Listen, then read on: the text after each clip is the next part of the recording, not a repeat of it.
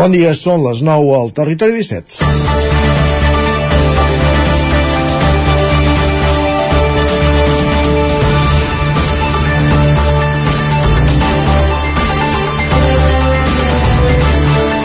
3 ajuntaments del massís del Montseny, el Brull, Tagamanent i Montseny i diversos pastors de l'entorn han creat l'associació Ramats Montseny. L'objectiu és donar eines per mantenir els ramats extensius en aquesta zona, consolidar l'associació com a interlocutor únic amb les administracions superiors i promoure d'aquesta manera la lluita contra el canvi climàtic. La idea és consolidar un projecte amb pocs sectors i, a mesura que hi hagi resultats, incorpori la resta de pastors, propietaris forestals i ajuntaments del massís del Montseny, tant d'Osona com del Vallès Oriental o de la Selva. A Montseny hi ha un escorxador i a Tagamanent un obrador. Són serveis municipals que els ajuntaments poden posar a disposició d'aquest sector. Els diferents ajuntaments implicats posen com a exemple d'èxit i a model a seguir el de l'Associació Agroforestal Estella del Montseny, que ja compta amb una planta de pèl·let a partir de la gestió dels boscos de l'entorn i contribuir a la prevenció d'incendis, una tasca que també es pot fer amb les pastures. Una altra de les tasques que volen promoure és la divulgació de la seva activitat o crear consciència, per exemple, de portar els gossos lligats quan se circula per zones de pastura. I és que aquesta és una constant. Els pastors lamenten que massa sovint gossos deslligats ataquen ramats. I per atacar no hem d'entendre només un atac violent amb queixalada, que també, sinó també el simple fet de posar nerviós un ramat tranquil, tal com expliquen molt bé en el vídeo publicat per l'Ajuntament de Manlleu i fet a través del Consell de la Pagesia els responsables de Niubó de Manlleu. Consolidar les feines del bosc, la muntanya, les pastures i els entorns rurals no només depèn dels actors principals. És dilluns 8 de maig de 2023 en el moment de començar el Territori 17 a la sintonia del 9 FM a la veu de Sant Joan, Ràdio Cardedeu, Ona Codinenca, Ràdio Vic i també ens podeu veure, ja ho sabeu, a través de Twitch, YouTube, el 9 TV i la xarxa més. Territori 17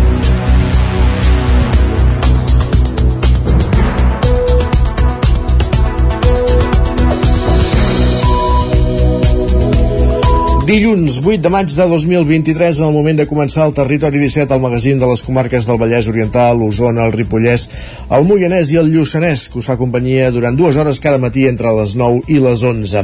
De quina manera? Doncs de seguida us avancem al menú del dia, el menú previst per aquest matí de dilluns 8 de maig de 2023. En aquesta primera mitja hora abordarem l'actualitat de les nostres comarques en connexió amb les diferents emissores del Territori 17. També farem un cop d'ull a la previsió del temps en companyia del el nostre home del temps, en Pep Acosta, que l'anem a, pescar a Ona Codinenca, content després dels xàfecs d'ahir de, vespre, que van ser bastant generalitzats a les comarques més al nord del territori 17. També farem un cop d'ull a les, les portades dels diaris, com cada dia amb en Sergi Vives, anirem fins al quiosc.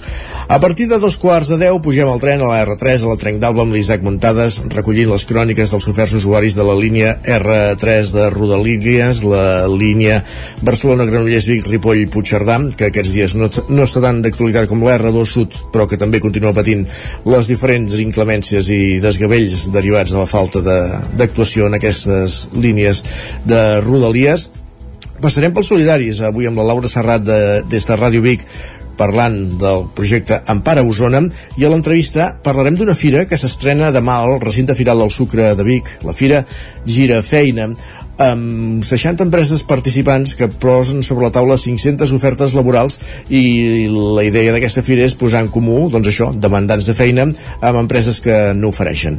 La, en parlarem en detall d'aquesta fira, com dèiem, a partir de 3 quarts de 10 a l'entrevista abans d'arribar a l'equador del programa, a les 10, més notícies, la previsió del temps i avui, com cada dilluns, repassant l'actualitat esportiva del cap de setmana, com han anat els compromisos dels equips de les nostres comarques i sobretot aquells on es, decidi, on on es decidien coses importants com ascensos, descensos, eh, classificacions per playoff i estem en aquesta part de, de la temporada. I com dèiem, en parlarem a, un, a partir d'un quart d'onze.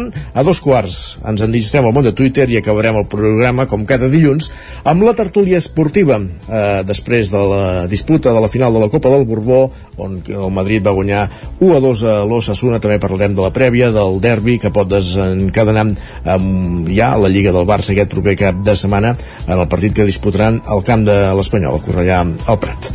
Aquest és el menú del territori 17 que ara comencen, i ara, que ara comença ara quan passen pràcticament 5 minuts de les 9 del matí i ens disposem a aprofundir en les notícies més destacades en l'actualitat de les comarques del territori 17, l'actualitat del Vallès Oriental, Osona, el Ripollès, el Moianès i el Lluçanès.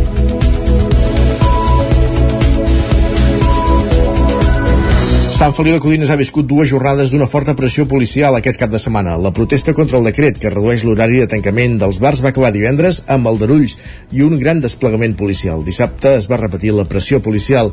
Gemma Permanyent, Ona Codinenca.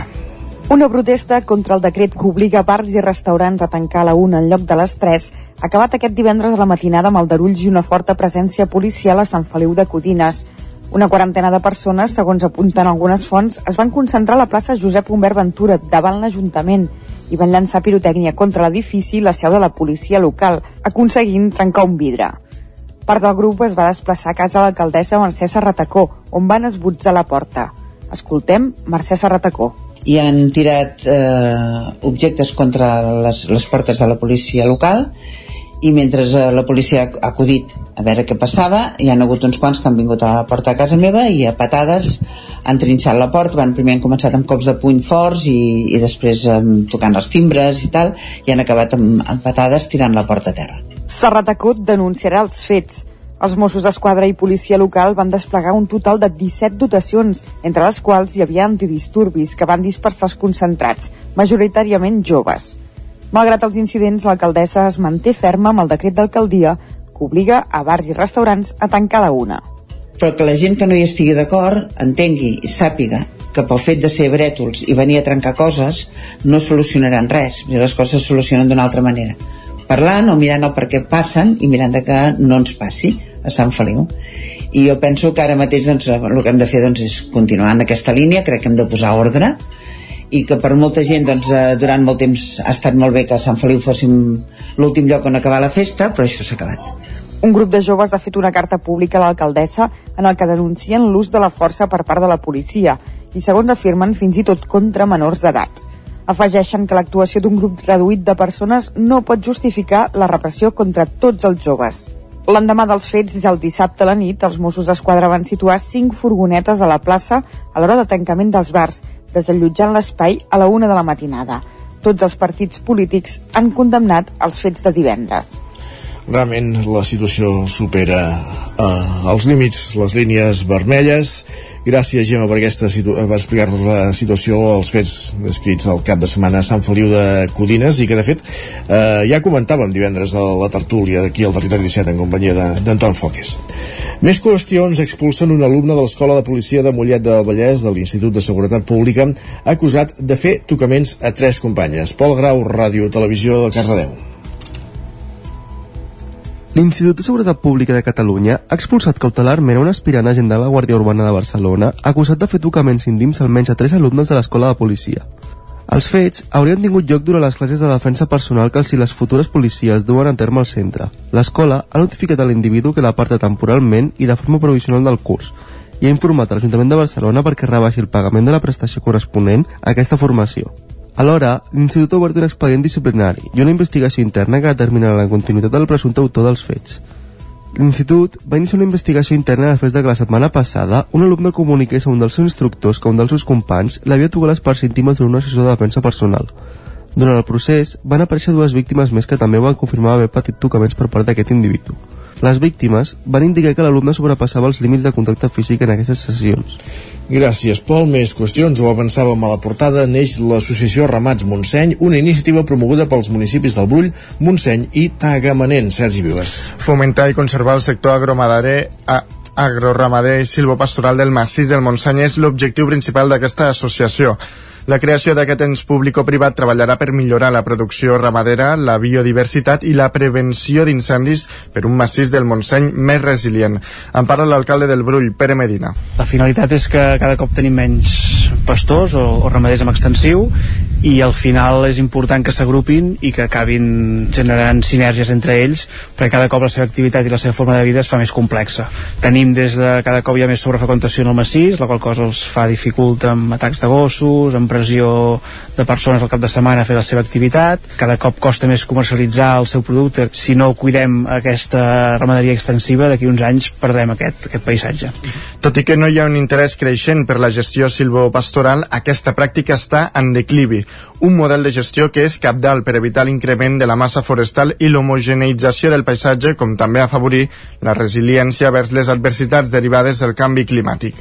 En parla la presidenta de l'associació Laia Aguilar i el ramader Pius Muntanya. Ens hem de donar tots plegats compte de que és un benefici per la biodiversitat i és una riquesa brutal de cara a evitar incendis. També el fet de que hi hagi pastors, que hi hagi pastura, que es netegin els boscos. Oh, com a ramaders ara estem en una situació bastant greu per, per la secada, no sé si puntual o ja no és tan puntual, que ja és duradera, diguem-ne. Una de les sortides que trobem és associar-nos una mica, fer associacions d'allò, a veure si aconseguim ajudes L'associació preveu realitzar estudis, seminaris i cursos relacionats amb la problemàtica de l'activitat ramadera i silvopastoral i treballar per donar a conèixer l'entorn rural. Poden formar part de Ramats Montseny totes les persones físiques i jurídiques, públiques i privades, que siguin titulars o representants de terreny forestal i o agrícoles en aquest àmbit territorial. Gràcies, Sergi. Més qüestions. Després de l'aprovació del projecte de llei de comarca del Lluçanès per part del Parlament la setmana passada, hem visitat Prats de Lluçanès i Lluçà, on els veïns estan contents que la històrica reivindicació finalment sigui una realitat. L'opinió dels veïns i veïnes de la nova capital de comarca, Prats del Lluçanès i de Lluçà, reflecteix els resultats de la consulta de fa 8 anys amb un sí contundent. Goyo Fontan i Amparo Oviedo de Prats i Núria Vila de Lluçà són alguns d'aquests veïns que s'han mostrat contents. Ja tocava molt perquè s'han fet eh, moltes reivindicacions i evidentment ens tocava. M'agrada perquè fa molt de temps que s'estava demanant i, i bueno, jo estic molt contenta. Soc del Lluçanès, em sento del Lluçanès, per tant estic contenta que el Lluçanès existeixi. El que passa és que tinc la sensació que tenim mig Lluçanès d'entrada. Històricament, socialment, geogràficament, doncs té sentit que, que hi siguem tots i és que la comarca neix amb 9 dels 13 municipis lluçanesos. Des de l'Ajuntament de Prats i també des de la plataforma Lluçanès Comarca confien que més endavant els pobles del no s'hi acabin sumant. Jordi Bruc és l'alcalde de Prats i Eva Boixader és membre de la plataforma és una reclamació històrica, ja feia gairebé 8 anys de la consulta i bueno, eh, quan vingui és el moment, ens hi hem d'agafar, ara ha estat el moment de que sigui reconegut, sempre amb aquell ai al cor de que no hem acabat siguent des d'un bon principi tots els que realment és la comarca geogràfica d'aquests 13 municipis. Ara ve doncs, treballar de debò amb aquesta perspectiva doncs, de, de comarca i d'empoderament del territori. Serà inevitable que els municipis que ara han dit que no, sobretot alguns d'ells, doncs, eh, acabin demanant per ser-ho. De fet, el que no s'ha entès massa és que diguessin que no d'entrada i tampoc no s'ha entès massa des de la plataforma, ja ho hem anat parlant, de que el govern doncs, hagi fet tant a la carta aquesta, a tota aquesta llei. Fins al 2027 el Lluçanès no tindrà Consell Comarcal. Abans de l'estiu es preveu que es constitueixi una mancomunitat que en serà l'òrgan de gestió els primers 4 anys i permetrà que comenci a funcionar com a tal perquè el Lluçanès ja és comarca. Obrim plana electoral, Ramon Roquer presenta la candidatura i el programa de Més a Sant Joan de les Abadesses amb Albert Bosch de Padrí. Isaac Muntades des de la veu de Sant Joan. L'actual alcalde de Sant Joan de les Abadeses des de l'any 2007, Ramon Roquer, aspira a encadenar el seu cinquè mandat consecutiu al capdavant del consistori després d'haver guanyat totes les eleccions on s'ha presentat d'alcaldable per majoria absoluta. En els darrers comicis, Més va obtenir sis regidors pel 5 d'Esquerra Republicana de Catalunya. Roquer va presentar la candidatura de Moviment d'Esquerres i els principals eixos del programa electoral aquest dissabte al matí a l'era d'en Serralta, amb gairebé un centenar de persones. L'acte el va obrir l'aventurer Sant Joaní Albert Bosch, que va fer una intervenció inicial abans que el candidat de més. Roquer va recordar que aquests darrers quatre anys s'ha fet molta feina com el projecte de l'hotel-restaurant de Sant Antoni, els jardins de la Puda, la finalització de l'urbanització de la colònia Lleudet, la remodelació de l'aparcament de les Cinc Fonts o l'enderroc de Can Victor per tenir una millor visibilitat en la baixada des del barri de l'estació a la carretera nacional. En total, Roquer va subratllar que s'han invertit més de 8 milions d'euros en tots aquests projectes. Amb tot, més té moltes més propostes a la butxaca pel pròxim mandat per nosaltres segueix sent una prioritat el trasllat de l'infantil a la primària. Avui parlarem de l'ús que nosaltres com a projecte tenim per l'Institut per l'edifici del Mestre Andreu, un ús que considerem important per les persones i que avui també l'explicarem. Parlarem de medi ambient, dels reptes climàtics, de l'emergència climàtica vinculada a la transició energètica i com Sant Joan podem fer que sigui un poble molt més sostenible, no només en termes d'eficiència, no també en termes de mobilitat. Nosaltres en els propers mesos engegarem moltes inversions vinculades a la millora urbana del poble, com és doncs, acabar els carrers de la Vila Vella, com és la millor l'entorn de la plaça Clavé, el passeig com Taguifé, els quatre jardins, la Nacional 260, que ja estem redactant el projecte per millorar-la, fer-la més humana, més humanitzada. Roquer també vol acabar el projecte de la caserna de la Guàrdia Civil per posar-hi habitatges, com també a la colònia Lleudet, reformar el teatre centre o trobar una ubicació per posar-hi una plaça coberta. Per dur a terme aquests projectes, Roquer s'ha volgut acompanyar d'un equip molt renovat, amb gent molt diversa, preparada, professional i implicada amb les entitats del municipi. Albert Ramoneda serà el número 2 de la candidatura, mentre que Maria Rosa Freixenet, que ja és regidora actualment, i Vanessa Pau ocuparan els llocs 3 i 4 de la llista. Joan Alomar i Miquel Mercè completaran els sis primers llocs de la candidatura. La llista de titulars la completaran l'actual regidora Montserrat Tallant, Laura Palau, Oriol Costa, Clàudia Romero i Blanca López. Gràcies, Isaac. I a la plana cultural arrenca la 25a edició del Festival de Jazz de Vic. El noruec Boogie Wesselkolov va ser l'encarregat d'obrir el festival amb, amb el pianíssim de dijous, una barreja de piano amb música electrònica, Sergi. Es tracta d'un dels festivals més antics de Catalunya que fins diumenge té programades una quinzena d'actuacions que, com a novetat d'enguany, no només es faran a l'entorn de la Jazz Cava, sinó que també a l'Espai ETC i a l'Atlàntida. El noruec Bug Besseltoft va ser l'encarregat dijous d'obrir el festival amb pianíssim, en la que havia sigut la seva tercera actuació a Vic, explicava què va tocar. Uh, Toco principalment del meu darrer disc, que és un piano força acústic. Va ser durant el coronavirus, estava assegut a la meva habitació fent música, però també porto una mica d'electrònica i ho barrejaré amb alguns ritmes.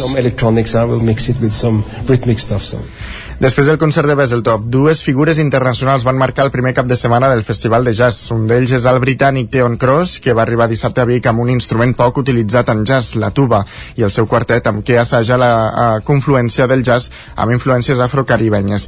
I l'altre nom destacat és el del nord-americà Joe Smith, que va gravar un disc en directe en el concert que va fer a la Jazz Cava divendres.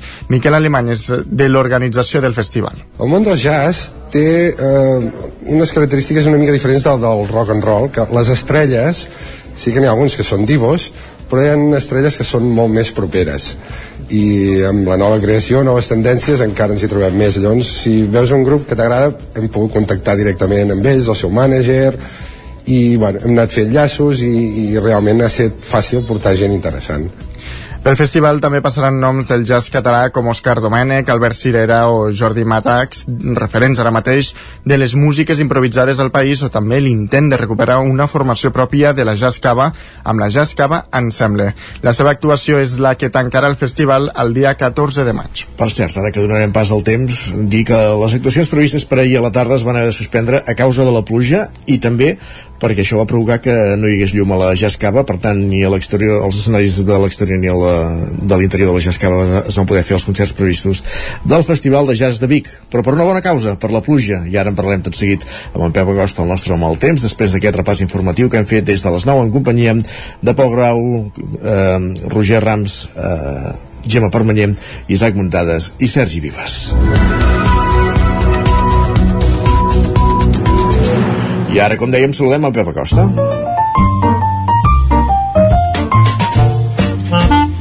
Casa Terradellos us ofereix el temps. El tenim feliç com un anís perquè ahir va ploure, van caure xàfecs generalitzats en diversos punts del territori 17 i això fa que Pep comenci la setmana doncs amb, amb, amb molt content, amb molt optimisme, alegre. Pep, benvingut, bon dia. Hola, molt bon dia. Veus quin entusiasme. Com esteu? Com ha anat el cap de setmana? Fantàstic. Per fi és dilluns, per fi ha amb sabem setmana, i per fi ahir, per fi ahir, uh, hi va haver unes tempestes importants, va ploure, i a les nostres comarques és on més va ploure de, de tot Catalunya, sobretot la zona del naixement del Ter, a la zona de, de l'extrem nord del Ripollès, cap a Baiter, més de 70 litres, importantíssima tempesta, importantíssima pluja, a Núria, eh, més de 30 litres, i a moltes zones d'Osona, entre 10, 20, 30 litres, eh, per tant una excel·lent notícia, molt bona notícia,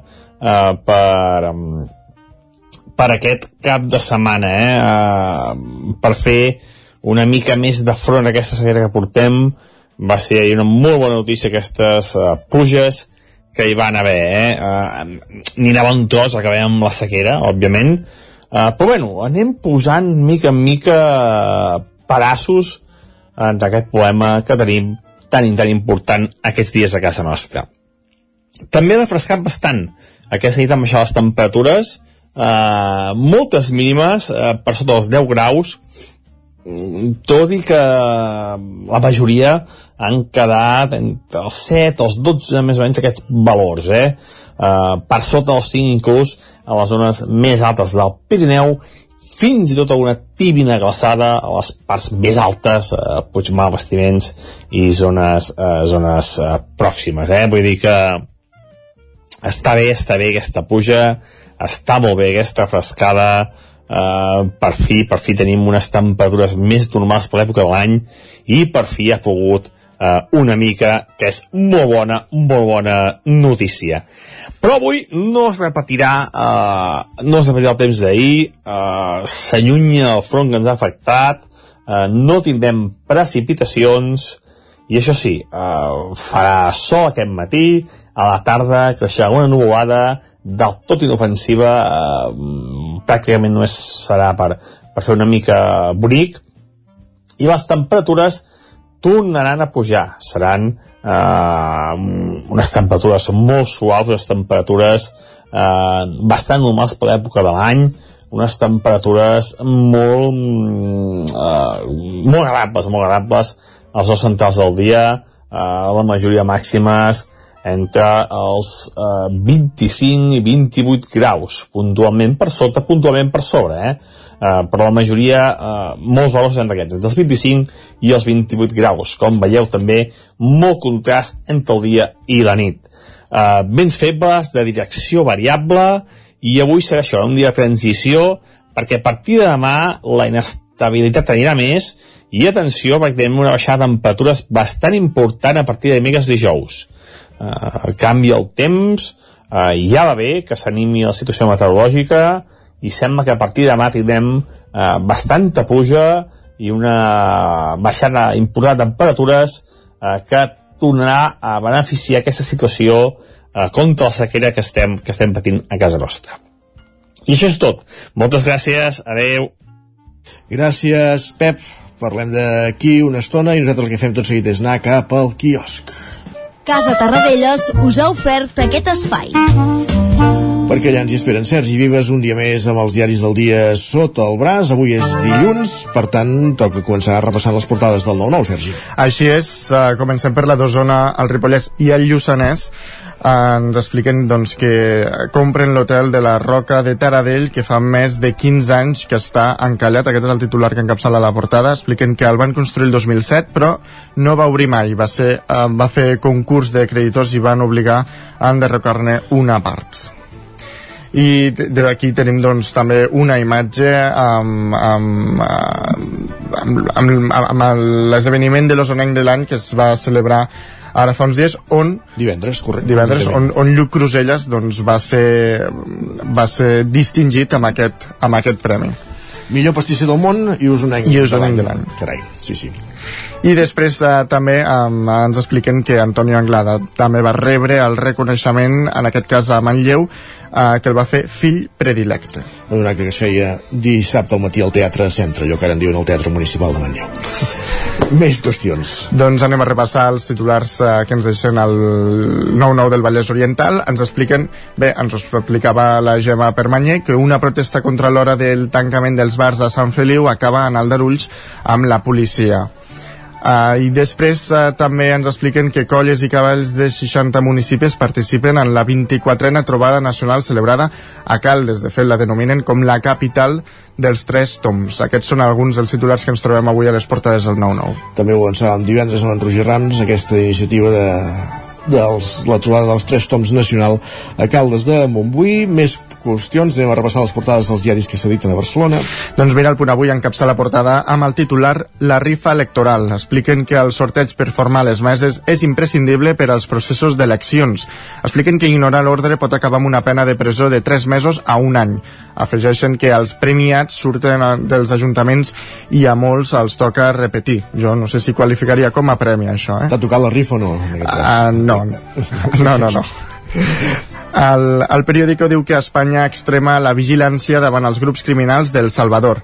Expliquen que la Policia Nacional i la Guàrdia Civil participen en un equip de seguiment de les mares format per Estats Units i països centroamericans Per altra banda, diuen que a Barcelona s'ofereixen habitacions turístiques il·legals per 300 euros al dia. Expliquen que ciutadans i professionals mantenen l'activitat tot i que l'Ajuntament hagi ordenat el seu cessament. La Vanguardia diu que les promeses sobre habitatge marquen l'inici de la campanya electoral. Expliquen que Sánchez anuncia vals per a joves hipotecats i el PP recorda que Feijó ja ho va proposar. Tots dos mesuren les forces de cara a les generals. Però no estem parlant d'unes municipals i en alguns territoris d'Espanya autonòmiques, és que en fi... ja s'av- ja s'avancen Sí, sí, sí, ja al final ja. estan. Per altra banda, destaquen les crítiques a la policia britànica per la detenció de republicans per la coronació. La Vanguardia assegura que hi ha un deteriorament greu al Regne Unit del dret a manifestar-se i altres llibertats. Lara diu que el 60% dels diputats també es presenten a les municipals. Expliquen que els partits pacten que el Parlament aturi l'activitat legislativa durant la campanya. De fet, no és al revés, normalment són primer alcaldes i després diputats, però vaja, en fi, eh, allò de, de girar l'ordre de les coses. Sí, sí, sí. Afegeixen que els diputats que concorren als comicis són 83 dels 135, 38 dels quals són alcaldables. I anem a repassar la premsa espanyola. El, pa el país diu que el govern planteja endurir els visats d'or per comprar vivenda. Expliquen que l'executiu que creu que l'actual model ha quedat obsolet estudia si elevar el límit o suprimir els permisos de residència per inversió residencial.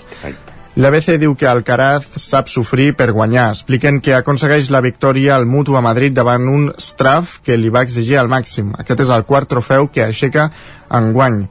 El Mundo diu que la Confederació Espanyola d'Organitzacions Empresarials veta a Sánchez i Díaz en la firma del pacte salarial. Expliquen que la patronal descarta invitar membres del govern a la formalització imminent de l'acord amb els sindicats fins 2025. I acabem amb la Razón, que diu que l'aparició de Sumar no trencaria la majoria absoluta de la centredreta. Per ells, centredreta és PP i Vox. Sí, sí, Diuen que, que Feijóo aconseguiria entre 141 i 143 diputats, mentre que el PSOE en tindria entre 91 i 93. Ràpidament repassem digitals, el 99.cat, Osona, el Ripollès i el Lluçanès. Doncs que més de 150 persones participen a la caminada dels 25 anys del Borater. I a l'edició del Vallès Oriental. Doncs que la reforma de l'Avinguda Sant Esteve de Granollers doblarà el nombre d'arbres. Repassada la premsa, gràcies Sergi. A tu. Deixem el quiosc enrere, anem a fer una petita pausa per la publicitat, però tornem de seguida pujant al tren i anant cap als solidaris. Fins ara mateix. El nou FM, la ràdio de casa, al 92.8. Estàs preparat per aquest estiu? A Boi Galter som especialistes en tot allò relacionat amb la protecció solar per a qualsevol necessitat d'espai, tendals, pèrgoles, escrins interiors. Anticipa't a la calor. T'assessorem i t'oferim la màxima garantia de confort i benestar per casa teva. No ho dubtis i vine a Boi Galtés. Ens trobaràs al carrer Jaume I de Vic número 5 al 93 886 1420 a la nostra web www.boigaltes.com i també som a Instagram boigaltes.tendals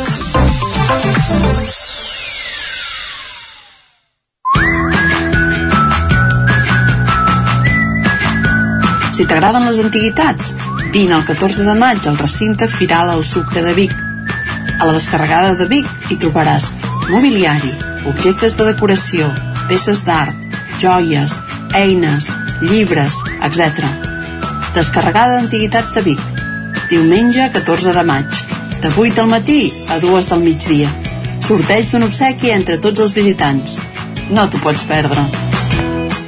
Quan tingui un problema amb la seva caldera, vagi directament a la solució. Truqui sempre al servei tècnic oficial de Saunier Duval i despreocupis, perquè som fabricants i coneixem les nostres calderes peça a peça. I ara aconseguiu fins a 250 euros en canviar la caldera. Informeu-vos al 910 77 10 50 o a saunierduval.es. Ser a prop vol dir veure les coses més bé. Apropa't al que t'interessa amb la xarxa Més. La teva plataforma audiovisual de qualitat, proximitat i gratuïta. Gaudeix dels continguts de més de 30 televisions locals i podcast quan, com i on tu vulguis. Entra a la xarxa més.cat i descarrega't l'app. Cocodril Club. Si t'agrada la bona música dels anys 60, 70 i 80, escolta el 9 FM als matins de dissabtes i diumenges d'11 a 1. És el temps del Cocodril Club, tot un clàssic de la ràdio, amb les bases del pop-rock, les llegendes, les cançons que s'han convertit en autèntics himnes. Recorda, dissabtes i diumenges al matí, d'11 a 1, al 9 FM 92.8. Cocodril Club, el programa revival de l'Albert Malla. Hasta luego, Bon dia, són les 9 al Territori 17. La Miquel Parella. Cada matí i durant dues hores t'acompanyem i et posem al dia de l'actualitat de casa nostra. Potenciant així l'autonomia En aquest cas me la peça el teler si no... Cursos per feminitzar el pensament masculí. Territori 17, el magazín matinal d'Osona, el Moianès, el Ripollès i el Vallès Oriental. Que la meva àvia de 93 el anys... 9 FM, el 9 TV, el 99.cat i també els nostres canals de Twitch i YouTube. Demà per fer-se un tatuatge. Cada matí, Territori 17. Ole. El 9 FM, el 9 FM, el 9 FM, el 9 FM. Territori 17.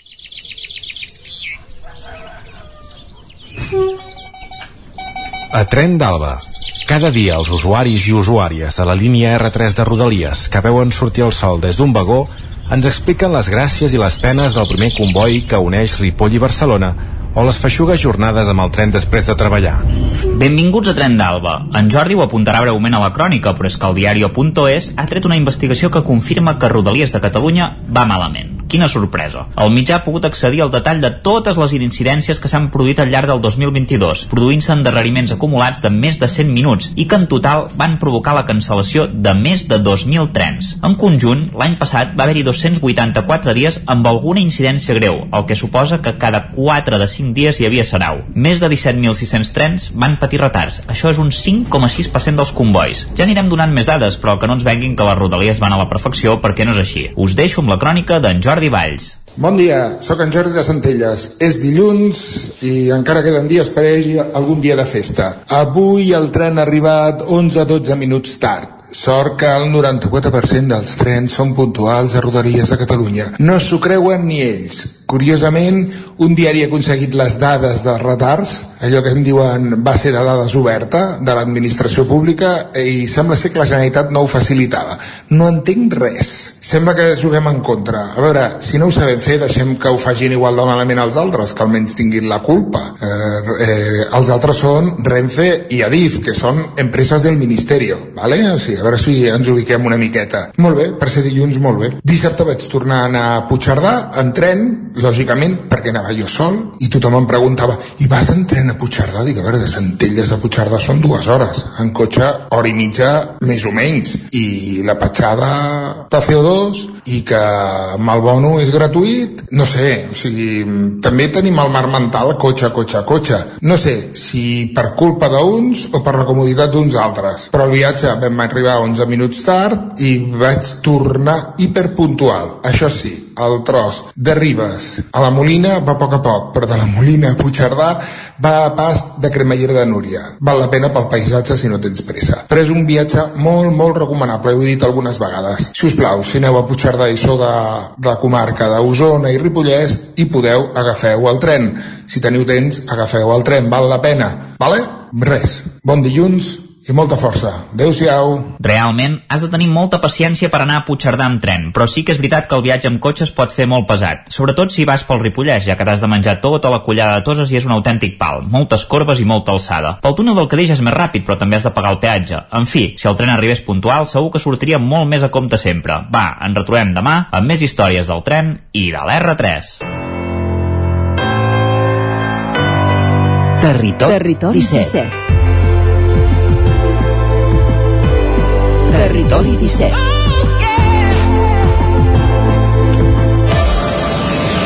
Tres minuts i mig que passen de dos quarts del matí, entrem als solidaris. L'espai que cada setmana ens acosta la Laura Serrat des de Ràdio Vic per conèixer iniciatives que es fan a les nostres comarques per treballar pels altres de forma altruista. I avui ens fixem en el projecte Empara. Per tant, sense més, anem cap a Ràdio Vic, on ens espera la Laura Serrat. Un dilluns més, benvinguda Laura, bon dia. Poc o molt, tots hem sentit a parlar de l'enfermetat de l'esclerosi múltiple, però moltes vegades no som capaços de comprendre totes les afectacions que comporta.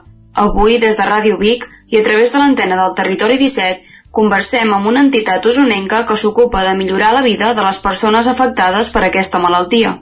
Malgrat ser una entitat relativament nova, Empara ha acumulat un important bagatge en la lluita contra l'esclerosi múltiple, oferint un suport integral i personalitzat a les persones afectades i les seves famílies.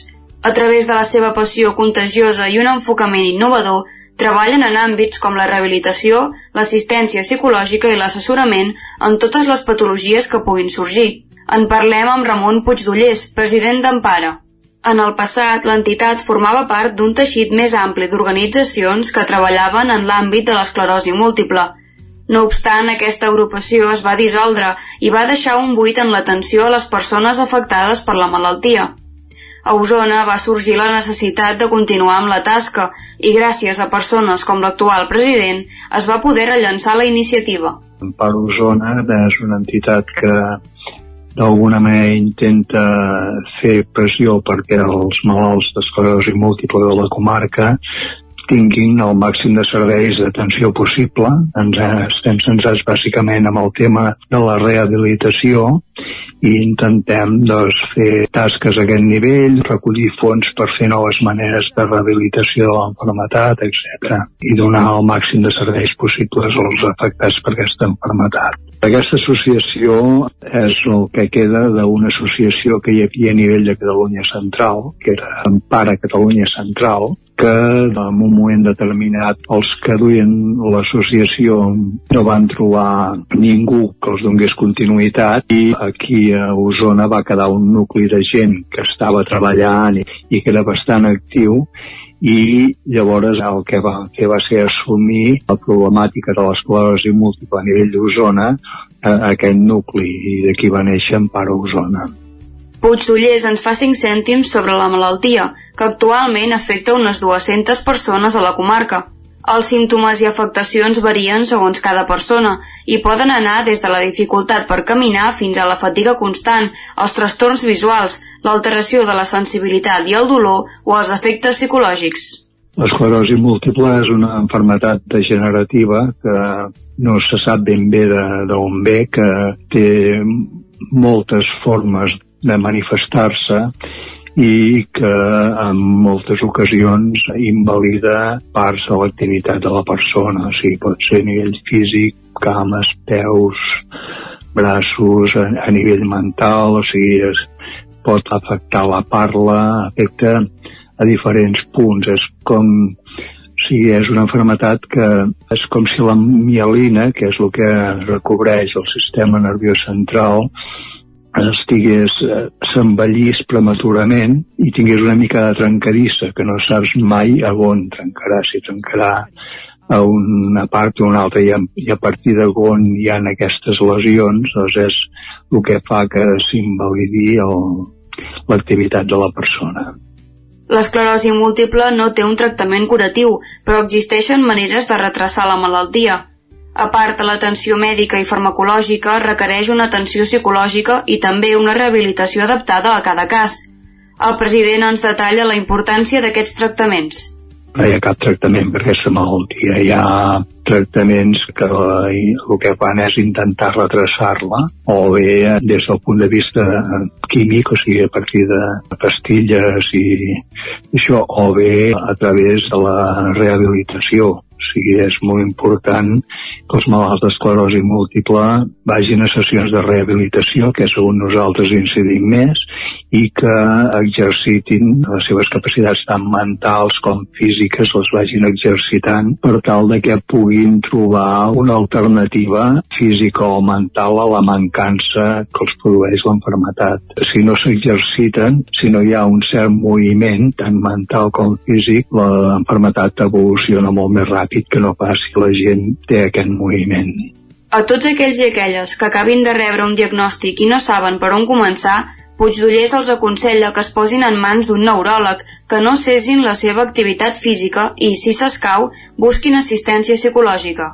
Que es posin eh, en mans d'un neuròleg que els porti i llavors que sobretot que intentin que no parin, que intentin ser permanentment actius, que es busquin activitats que no, que no forcin, però sí que no es deixin anar, que, que no s'abandonin. Això farà que puguin posar més dificultats a aquesta malaltia i farà que aquesta malaltia no avanci tan ràpidament. Si és llavors, sobretot que s'hi poden fer activitats a l'aire lliure, s'hi poden anar amb algun tipus d'activitat física i tal, que no les abandonin, encara que vegin que, que cada vegada els costa més que continuïn, és, és el, millor que hi ha i sobretot de posar-se en mans del neuròleg. És el consell que es puc donar. Llavors, si és clar, és una, en aquí pot ser un xoc rebre aquesta notícia i és, és molt interessant posar-se, o sigui, si, si és necessari, anar al psicòleg. Nosaltres aquest any tenim un pressupostat per eh, donar assistència psicològica a la gent que ho demani. I és, és important més, més que res emocionalment, però això un ja, ja, ja s'ho veu, si ho necessita o no. El president ens parla dels projectes en marxa a Empara, psicologia, fisioteràpia i teràpia ocupacional, rehabilitació, assessorament, el ventall de serveis és necessari i ampli i un dels més recents és la teràpia a través de la pràctica del Qigong. Es tracta d'una disciplina mil·lenària originària de la Xina que combina moviments suaus, respiració i meditació per aconseguir un equilibri físic i mental que permet mobilitzar músculs del cos sense arribar a forçar-los, ideal per als afectats d'esclerosi.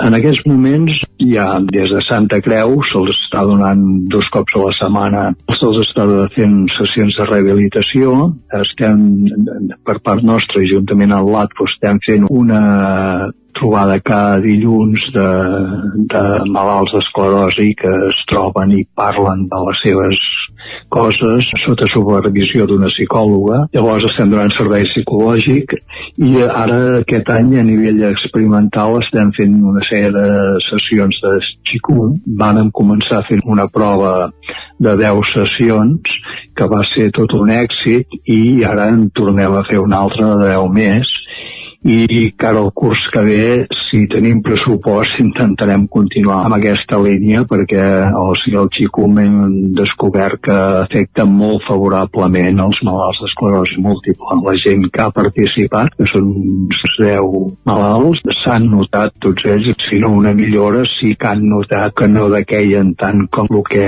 és habitual amb l'enfermetat. O sigui, d'alguna manera el Xicum frena, diguem, aquesta degeneració que provoca la malaltia i per tant si podem i tenim pressupost que ara el curs que ve intentarem continuar en aquest sentit. El pròxim 30 de maig se celebra el Dia de l'Esclerosi Múltiple i l'entitat sortirà a celebrar-lo com cada any. Tot i això, com que la data és molt propera a les eleccions municipals, han hagut d'adaptar el seu calendari teníem previst el 28 de maig, però hi ha les eleccions municipals i això ens ha trencat una mica. Segurament, i eh, ho hem d'acabar de, de decidir, serà el cap de setmana següent. Nosaltres cada any celebrem el Dia Mundial de l'Esclerosi Múltiple amb un acte amb el qual fem que el màxim de familiars i persones afectades doncs es trobin i parlin dels, de quins són els seus problemes i parlin de quines possibles solucions hi veuen ells per definir d'alguna manera el que serà el curs següent cara de l'associació, no? En aquests moments, ja et dic, teníem previst fer-ho el 28, ho tindrem que fer el, el cap de setmana següent i hem de definir exactament amb què serà. Segurament serà molt semblant al de l'any passat. Es fan una sèrie d'activitats al matí amb les quals es parlarà de tot el que s'ha fet fins aquest any i de quines possibilitats tenim cara l'any que ve i s'acabarà amb un dinar de germanor. La major dificultat de l'entitat és aconseguir prou recursos per abarcar el màxim de casos possible. A Osona, els afectats per aquesta malaltia es consideren desatesos, ja que no es disposa d'un servei d'atenció integral i especialitzat a nivell públic.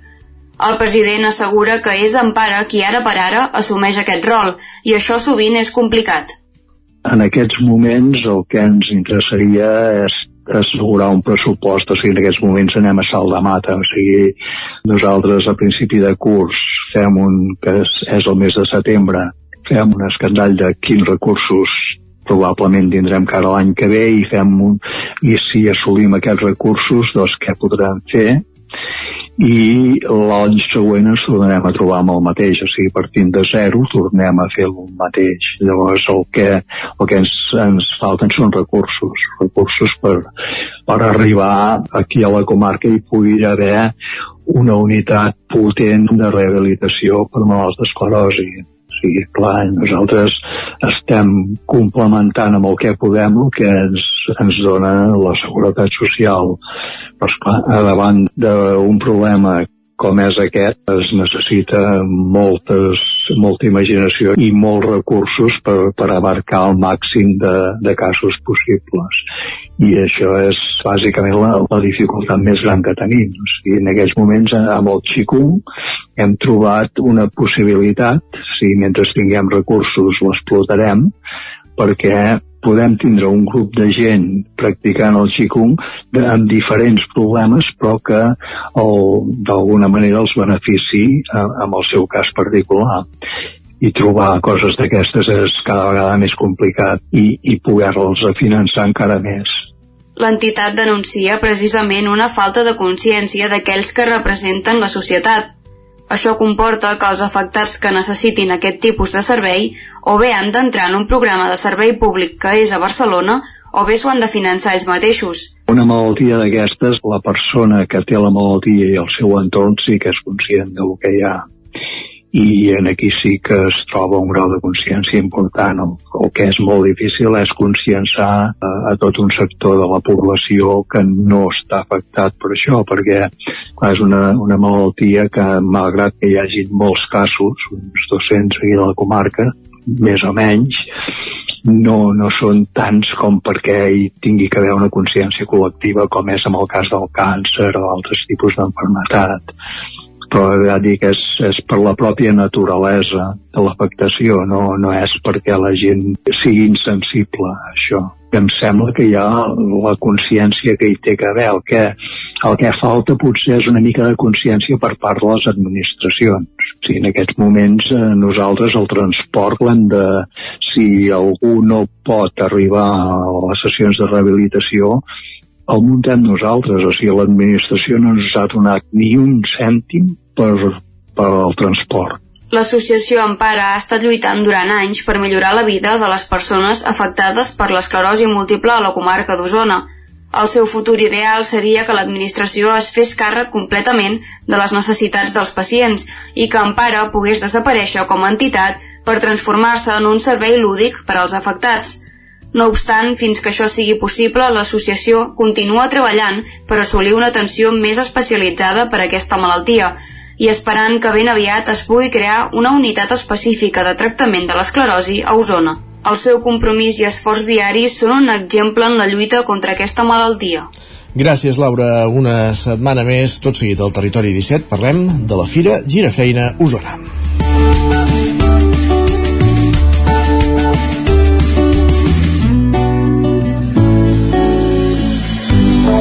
Territori 17, el 9 FM, la veu de Sant Joan, Ona Codinenca, Ràdio Cardedeu, Territori 17. Passen dos minuts de tres quarts de deu del matí.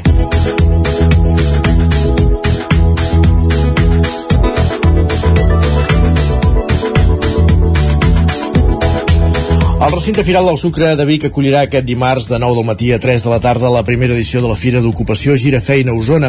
Hi participaran més de 60 empreses, entre les quals destaquen firmes com el Grup Bonpreu o Mafre, que en total oferiran gairebé 500 vacants als assistents. L'objectiu és que les persones que busquin feina puguin presentar la seva candidatura per ocupar un lloc de treball. És una iniciativa de la Cambra d'Osona, l'Ajuntament de Vic i el Consell Comarcal d'Osona i ens acompanya un representant de cadascuna d'aquestes entitats. Anna Campassol, Anna Campassol de la Cambra d'Osona, Joan Casas de l'Ajuntament de Vic i Bernet Penedès del Consell Comarcal d'Osona. Benvinguts tots tres. Hola, molt bon dia. Bon dia. Com explicàvem, aquesta edició que se celebra demà de la Fira Gira Feina és la primera. D'on surt la inquietud de, de crear aquesta, aquesta fira? Qui vol començar? Doncs bé, Cambra participa en el programa PICE, de, que és el programa integral de qualificació i empleo des del 2015, i aquest projecte, que són uns fons europeus destinats especialment a joves a beneficiaris de garantia juvenil, ha anat evolucionant amb el temps fins a brindar-nos doncs, la possibilitat d'organitzar fires dedicades a la inserció laboral.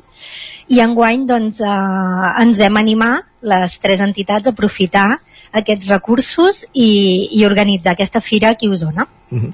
perquè més enllà d'aquesta fira eh, entenem que les vies que ja hi ha diguéssim a l'hora de, de, de cercar feina o de trobar treballadors eh, no acaben de fer la seva funció que faci fa, falta fer un tipus de, de congrés com aquest per entendre'ns? Uh, qui, Bernat poder és el que és més de referent d'ocupació. Jo per part meva eh, penso que, que no, que en tot cas això és un complement eh, que ajuda als serveis existents no? i que una cosa retroalimenta a l'altra. Penso que no és que els serveis que existeixen no, no facin bé la seva feina sinó al contrari que això ens serveix per complementar aquesta feina que s'està fent parlem una mica de, de la fira en si, com dèiem hi participen 60 empreses eh, com s'ha de buscar també l'altra part, no? diguéssim, els demandants de feina diguéssim, quin, quin ha estat el procés per, per anar-los a, a buscar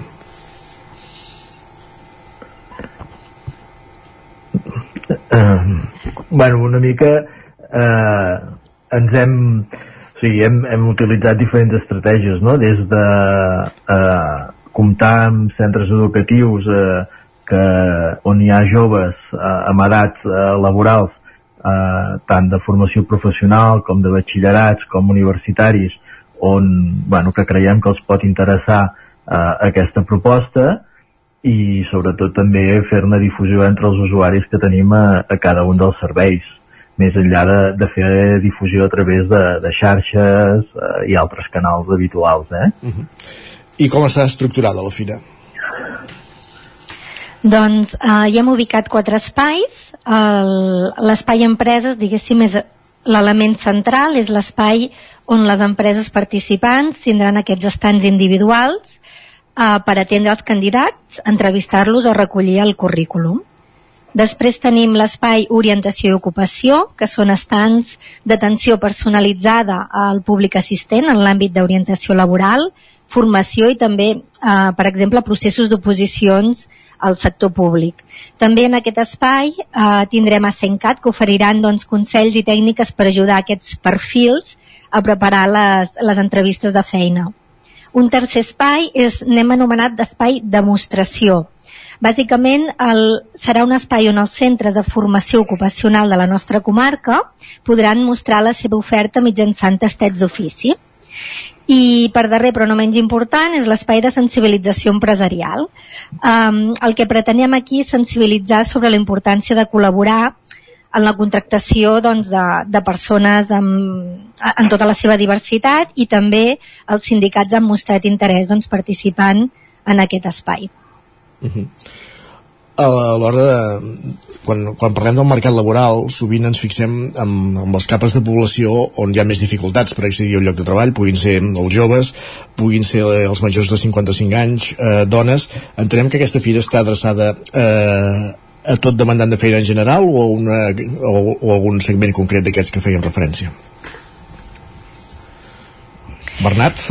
Jo crec que sí, i ara que la fira està destinada a qualsevol persona que, que busqui feina, sí que posa molt el foc en, en les persones joves, que sí que tenen sempre una dificultat més alta per accedir al mercat de treball i, per exemple, amb l'espai de sensibilització que parlava l'Alana, doncs es pretén que col·lectius que poden tenir més dificultats d'inserció se'ls hi pugui facilitar, però eh, la, la, fira va dirigida a qualsevol persona que estigui buscant feina, a més a més el, el tipus d'ofertes que hi han són molt diverses i per tant poden encaixar amb, amb molts perfils professionals diferents. en sentit comentaves ara això, el, el tipus d'oferta que hi ha, per tant entenem que ja es coneix no? el tipus d'oferta que es poden trobar en aquests, en aquests 60 estants, en aquesta, aquestes 60 empreses que, que participen a la fira?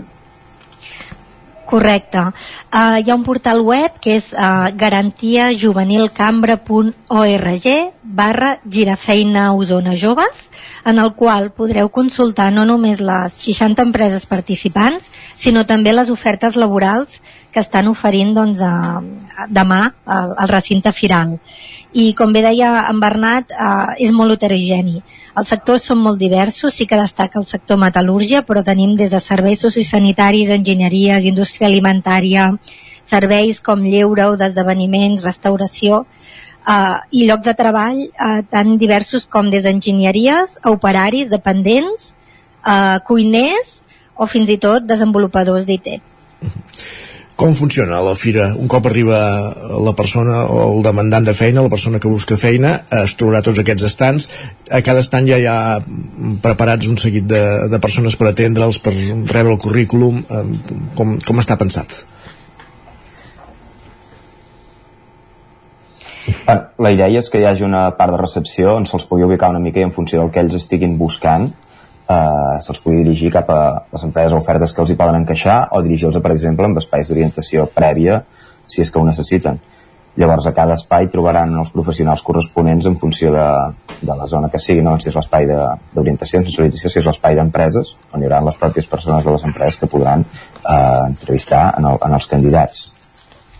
Sí, de fet, eh, deixeu-me afegir que tenim ara més de 800 inscrits.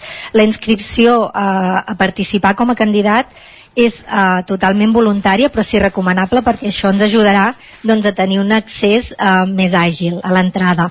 De totes maneres, com deia, ja són més de 800 eh, candidats inscrits i per tant el, el que nosaltres hem trobat que és clau de desenvolupar doncs, eh, justament no només a l'entrada sinó durant, durant tots els espais de, de la fira és crear molta dinamització, és a dir, ajudar molt a l'assistent i, com bé deia en Bernat, orientar-lo, si cal, a, a dir quin tipus de perfil eh, o de, o laboral estàs buscant i a partir d'aquí doncs, poder-lo ubicar una mica doncs, quines empreses estan oferint aquest lloc de feina estem en un moment que sovint sentim moltes empreses i, i de molts sectors, pràcticament de tots, eh, eh, alertant que els hi fa falta mà d'obra, que no troben treballadors per cobrir la, les, les vacants. Entenem que quan se'ls brinda oportunitats com aquesta fira, la resposta ha estat eh, bona per part de les empreses, no? I, i aquest número que dèiem de 60 empreses participants ho denota. N'hi ha hagut d'altres que s'han quedat a, a la porta, estava limitat a 60, com, com ha funcionat això?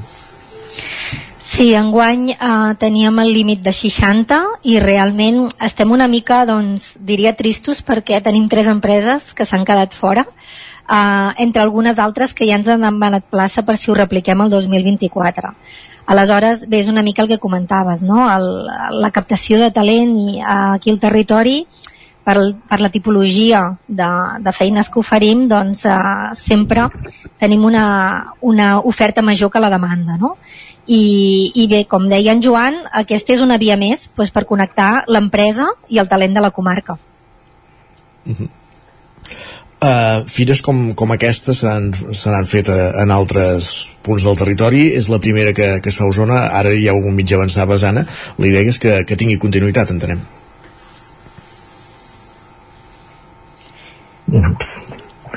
Sí, no?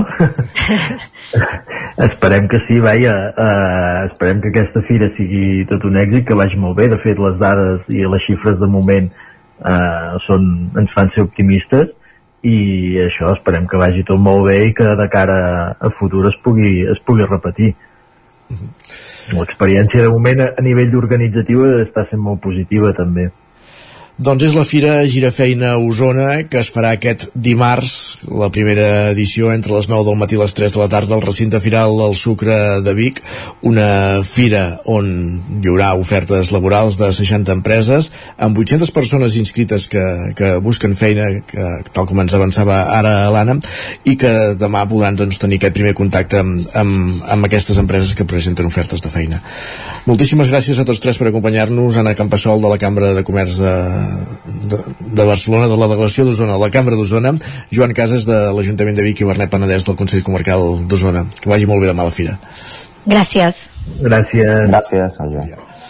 I nosaltres avancem al territori 17 després de conèixer en detall aquesta fira que es farà demà, com dèiem, al recinte firal al Sucre de Vic.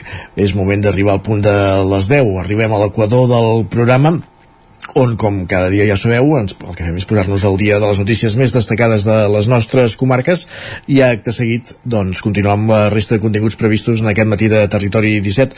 Un cop siguem a l'Equador, notícies, la previsió del temps i els esports. Avui és dilluns, per tant ens interessarà saber com ha anat el cap de setmana esportivament parlant pels interessos dels equips de les nostres comarques. Ho sabrem a partir d'un quart d'onze en connexió amb les diferents emissores del Territori 17. Alguns apunts, per exemple, avançàvem dir divendres que, que el Manlleu, el Club Patí el Martinelli de Manlleu, tenia opcions d'aconseguir l'ascens directe al retorn a l'Hockey Lliga. No ha pogut ser, però sí que disputaran el play-off. Ens ho explicarà en detall l'Ester Rovira, com dèiem, a l'Espai dels Esports, a partir de un quart d'onze i acte seguit, eh, avui el dilluns ja sabeu que sempre és el dia més esportiu del territori 17 eh, ens fixarem primer amb les pilades més destacades que trobin Guillem Sánchez de Twitter però també farem un cop d'ull també tindrem temps per la tertúlia esportiva per comentar l'actualitat futbolística del moment que passa aquest cap de setmana per la disputa de la Copa del Rei el Madrid, campió de la Copa del Rei després de guanyar l'Ossassuna 2 a 1 a la final disputada el cap de setmana a Sevilla, però també parlarem de, de la propera jornada de Lliga, que ja pot implicar que el Barça guanyi la Lliga, serà el proper diumenge el partit contra, en el derbi contra l'Espanyol al camp dels blanc i blaus que intentaran de totes totes, no només que el Barça no guanyi la Lliga en aquesta jornada, sinó sumar els 3 punts per, per evitar un descens que ara mateix doncs, eh, els veu, el veu en perillar. En fi, tots aquests seran els continguts del territori 17 previstos per aquesta segona hora, que comença tot seguit amb les notícies de les 10. Moment d'actualitzar-nos, de posar-nos al dia amb les notícies de les nostres comarques, el Vallès Oriental, Osona, el Ripollès, el Lluçanès i el Moianès i ho feu en connexió amb les diferents emissores que dia a dia fan possible aquest programa. Per explicar-vos aquesta hora que, ara Pacte Local i Junts per Catalunya s'hauran de repartir els drets electorals a Vic, Manlleu, Tona, Roda de Ter i les Masies de Voltregà. Sergi Vives. Els espais on els partits poden penjar la seva propaganda electoral depenen dels drets electorals que els pertoquen segons els votants que van tenir en els darrers comicis. En molts municipis se seguirà la mateixa dinàmica dels darrers anys, però hi haurà canvis substancials en llocs com Vic, Manlleu, Tona, Roda de Ter i les Masies de Voltregà, on concorren junts i ara Pacte Local, formació en la qual s'integra al PDeCAT. Als darrers comicis del 2019, aquest espai postconvergent es va presentar sota el, el paraigua de Junts i el nom de cada municipi, però els drets electorals se'ls va quedar al PDeCAT. Amb les municipals del maig a l'horitzó, ara Pacte Local ho ha reivindicat en un escrit de la Junta Electoral Provincial de Barcelona esgrima que el 2015 dels 2.804 regidors obtinguts a les municipals estaven adscrits directament al partit hereu de Convergència. Per això, proposava tenir el 76% dels drets. La Junta, però, ha decidit que Junts i PDeCAT s'han de repartir a parts iguals els drets adquirits a les passades eleccions municipals perquè no es pot especificar el percentatge obtingut per cada formació política. Una decisió, però, que des de Junts valoren positivament perquè la Junta també estableix que si en un municipi només s'hi presenta una de les dues candidatures, se li assignin tots els drets de la coalició i a Osona Junts es presenta sola en la gran majoria de municipis. Xavier Ferrés és d'Ara Vic i Enric Roca és el coordinador de Junts a Osona. Com que PDeCAT, en aquest cas, doncs, dona suport a la nostra plataforma Pacte Local, tots els tres que en el seu moment fa quatre anys va cedir a Junts, per tant, ara ens pertocarien a nosaltres, o sigui, enteníem que havien de ser pràcticament tots nostres no hi farem lluita, evidentment, ni ho acceptem, però no era l'objectiu. Nosaltres enteníem que ens tocaven tots a nosaltres. En els propers comicis, siguin municipals, siguin, siguin del Parlament de Catalunya o, o siguin estatals, ja nosaltres d'alguna manera hi anirem com a Junts, com a partit reconegut, com a partit gran, i, i per tant, com que aquesta és la, la darrera vegada i només ens afecta aquests cinc municipis, i a més amb un 50%, doncs nosaltres estem, estem satisfets. Aquest desenllaç afecta tots els territoris de la demarcació de Barcelona. Junts presenta 720, 728 llistes arreu del país, mentre que el PDeCAT en presenta 181. I ens fixem ara en l'escenari preelectoral o l'escenari electoral de Fulgaroles, on s'hi presenten dues candidatures. Junts, encapçalada per Miquel Serra, i independents de Fulgaroles Acord Municipal, marca blanca d'Esquerra, amb Manel Madrenes com a cap de llista. Els resultats que pugui obtenir tant una com l'altra proposta seran especialment interessants de seguir després que l'equip de govern de Desperta Folgueroles amb Xavier Rovira d'alcalde anunciés ja fa uns mesos la voluntat de plegar en bloc un cop superat un únic mandat de 4 anys. La nova llista d'independents de Folgueroles acaba de sortir del forn sense els regidors que hi ha actualment al govern i recuperant, això sí, Lluís Bové i Lluís Renyer, són cares clàssiques d'Esquerra al poble. Des del grup diuen que és una proposta completament nova. Manel Madrenas és el cap de, de llista. Des d'Esquerra es va proposar fer una altra llista i com que jo feia poc temps que m'havia posat com a militant d'Esquerra doncs se'm va també eh, trucar perquè a veure si podia participar-hi llavors vam aconseguir reunir una mica de gent uns quants ens vam anar reunint i el problema era qui es posava al capdavant, com sempre. Llavors, els companys em van dir, doncs mira, tu més o menys coneix tothom al poble, per què no t'hi poses tu? Dic, home, és un honor molt gran, però mm, plantejat en sèrio no m'ho havia plantejat mai pel que fa a Junts, acompanyaran Miquel Serra en posicions capdavanteres, Adelaida Noguer, Eulàlia Masoliver i Jacint Castillo. El grup també inclou, entre d'altres, l'exregidora Carme Bertrans, mentre que suma amb noves incorporacions com Ivan Padrós o Marc Riera. En parla el cap de llista Miquel Serra. Per Junts, jo penso que aquesta vegada el tema més prioritari és reunir el poble. Reunir perquè la gent eh, s'han format com blocs, gent eh, contra l'altra gent. O sigui, eh, el part de convertir el poble en un poble que en lloc de despert és un poble dormitori perquè és el que, el que tenim avui en dia perquè la gent està tan desencantada que quan es fa una, una xerrada, una conferència o que sigui, no hi va gent. No hi va gent perquè la gent està cansada.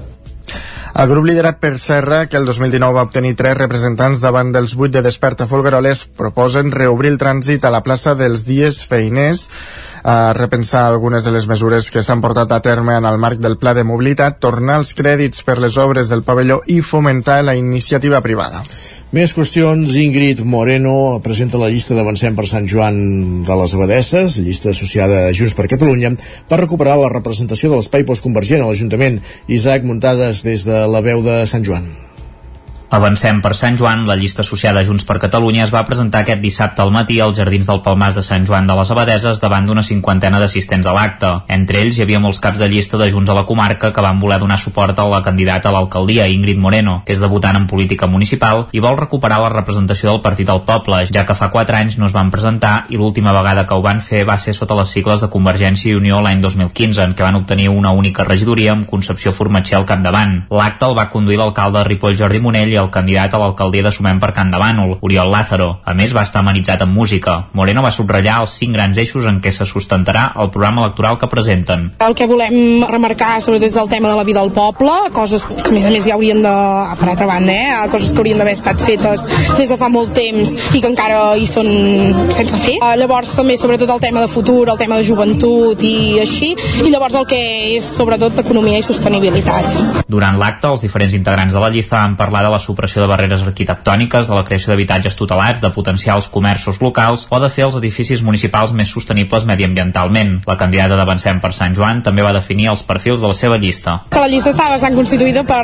gent jove, noves cares, sí que és veritat que, que hi ha gent que havia estat a l'antiga candidatura que, que ens recolza i que, i que també hi és a la llista, però bé, en general, molt contents. Jaume Buixeda serà el número 2 de la candidatura, mentre que Eusebi Puigdemunt ocuparà la tercera posició i Sergi Urriols la quarta. El número 5 serà per l'exregidora Concepció Concepció Formatger, mentre que Chia Mata ocuparà el número 6. La resta de la llista estarà composta per Atefel Haji, Adriana Garcia, August Serra, Maria Corrius i Josep Ventura. I Parets del Vallès modernitza el Teatre de Can Rajoler amb els fons Next Generation, Pol Grau, Ràdio Televisió Cardedeu. L'Ajuntament de Parets del Vallès ha fet reformes i millores al Teatre de Can Rajoler utilitzant el finançament del Fons Europeu Next Generation per la modernització i la gestió sostenible de les infraestructures d'arts escèniques i musicals. Les millores han estat la digitalització i modernització de la il·luminació de la platea de l'amfiteatre, de la zona de treball i de la llum de guàrdia, amb lluminàries LED d'alta eficiència energètica. També ha adquirit nous projectors d'il·luminació de baix consum i alta eficiència energètica. El nou sistema implementat permet un estalvi d'estimat de més del 70%, millora les condicions de seguretat i confort i compleix les especificacions de les normatives vigents. La lluminositat, que s'assoleix des de 400 lux amb un control digital centralitzat programable, a més, s'ha millorat en confort i l'accessibilitat per al públic i personal tècnic. Gràcies, Pol. Més qüestions anem cap al Moianès perquè la Casa de Cultura de l'Estany inaugura una exposició fotogràfica del grup Orquidològic de Catalunya que vol donar a conèixer la vida de les orquídies al medi natural. Roger Ram, zona Codinenca. Amb el títol Les orquídies silvestres de Catalunya, l'exposició busca donar a conèixer les diferents espècies d'orquídies que podem trobar a Catalunya, en especial les 50 que es localitzen a la comarca del Moianès. També es vol donar a conèixer les diferents amenaces que pateixen i que ara s'han agreujat per la situació de sequera. Per això, aquest dissabte, amb la inauguració, els membres del GOC han fet una conferència per descobrir la realitat d'aquestes espècies. Isabel Casas n'és membre eh, tenen bastants perills. El principal és el canvi d'usos del sol, per exemple, zones que eren prats, eh, ara s'estan convertint en pastures de ramats de bestiar de vaques, de cavalls i clar, entre el trepig i sobretot els nitrats de, de les cagarades eh, estan, eh, estan extingint en aquests llocs llavors una altra problemàtica és el porc senglar a més, el proper 20 de maig es farà una sortida pels voltants de la població de l'Estany per conèixer de primera mà els hàbitats de les orquídies al Moianès. Uh, perquè una de les nostres feines és, bueno, de l'associació és uh, divulgar no? el coneixement de les orquídies que hi ha a tot arreu de Catalunya i mm, arrel de divulgar també intentar protegir-les uh, al màxim possible. La inauguració d'aquest cap de setmana ha comptat amb la presència dels impulsors d'aquesta iniciativa a la Casa de la Cultura de l'Estany. I un apunt esportiu perquè l'exjugador de bàsquet Albert Roma dirigeix una de les sessions del taller que han posat en marxa aquesta temporada, Osonament i el Club Bàsquet Torelló. Es tracta d'un projecte que vol promoure un equip per persones que tinguin alguna necessitat especial, Sergi. Format a les categories inferiors del Joventut del Badalona, on va acabar jugant a la Lliga ACB, per posteriorment marxar als Estats Units a professionalitzar la seva carrera esportiva. Aquest dimarts Albert Roma es retrobava amb la cistella i l'esfèrica a Torelló i no ho va fer com a jugador sinó d'entrenador. Amb aquesta tensió seguint les seves pistes, els jugadors i jugadores de l'equip d'Osonament entrenen semanal, que entrenen setmanalment al Club Bàsquet Torelló amb qui des de fa un any tenen un conveni de col·laboració. En parla el director tècnic del club, Jordi Sainz. Tenim el projecte de Valors Club dintre de la nostra entitat, que creiem molt, i un dels projectes que no teníem i volíem engegar era, doncs era bueno, tot, tot allò que les entitats ens diem que som socials i que hem de fer coses doncs ens va sorgir la idea de ostres, anem a mirar de fer un equip de bàsquet amb persones doncs, que tinguin algun trastorn o alguna necessitat especial un conveni que ha permès a Trini Canelles, usuària d'Osonament, retrobar-se amb el món del bàsquet, un esport que practicava quan era petita i que ara ha pogut reprendre de la mà de la Mariona, tècnica esportiva al Servei de Rehabilitació Comunitària d'Osonament, que és l'encarregada d'entrenar l'equip cada dimarts. Escoltem a Trini i Mariona. La Mariona ens n'ha ensenyat molt i això encara et motiva més a venir. Aquesta activitat va començar l'any passat i aquest any hem començat la nova iniciativa de convidar jugadors o exjugadors semiprofessionals o professionals de Lliga sempre espanyola, des d'Eva en amunt, perquè puguin venir a compartir l'estona amb tots els jugadors i jugadores del nostre equip Albert Roma va retirar-se l'any 2011 com a jugador sent el Vic el seu últim equip. L'exjugador reconeix que feia temps que no trepitjava una pista. Home, doncs la veritat és que eh, va fer il·lusió perquè ara feia bastant de temps que no entrenava i bueno, sempre tens aquell gossanillo, no? I la veritat és que doncs, per ser una causa com la que és, penso que és, és molt interessant. Eh, els he vist molt implicats a tots i amb moltes ganes d'aprendre. Eh, doncs, la veritat és que ha sigut una, una, una sensació molt satisfactòria, no? A banda de Roma, pels entrenaments de l'equip d'Osonament també hi ha fet parada David Vidal, del Club Bàsquet Vic, i Clàudia Vidal, exjugadora del femení Sant Adrià. I amb aquest punt esportiu acabem aquest repàs informatiu que començava amb el punt de les 10 en companyia de Sergi Vives, Isaac Muntades, Pol Grau i Roger Rams, moment al territori 17, de saludar de nou el nostre home del temps, en Pep Acosta.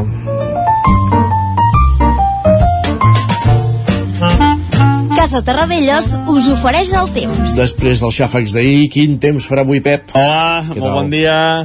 Per fi, per fi tenim unes temperatures més normals per l'època de l'any i per fi ha plogut eh, una mica, que és molt bona, molt bona notícia.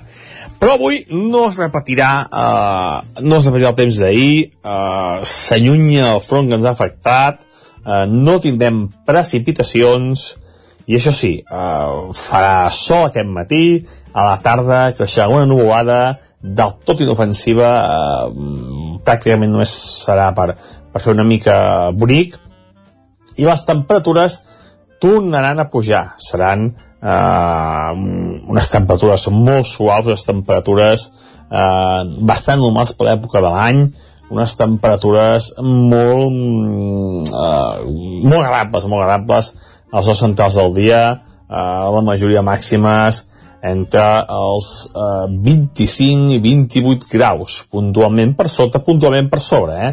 eh però la majoria, eh, molts valors eren d'aquests, entre els 25 i els 28 graus. Com veieu també, molt contrast entre el dia i la nit.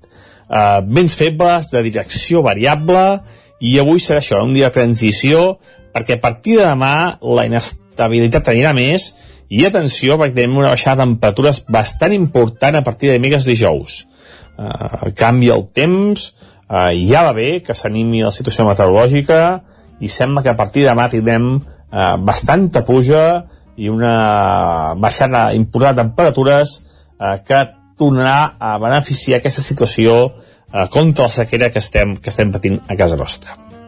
I això és tot. Uh, demà hi tornem, demà ja farem uh, una millor precisió, amb millor precisió parlarem d'aquest canvi de temps que tenim aquí a les portes. Moltes gràcies, adeu. Doncs no el canvi de temps a les portes, en parlem demà. Gràcies, Pep, fins demà, bon dia. Casa Tarradellas us ha ofert aquest espai. 20 segons perquè sigui un quart d'onze del matí del temps als esports.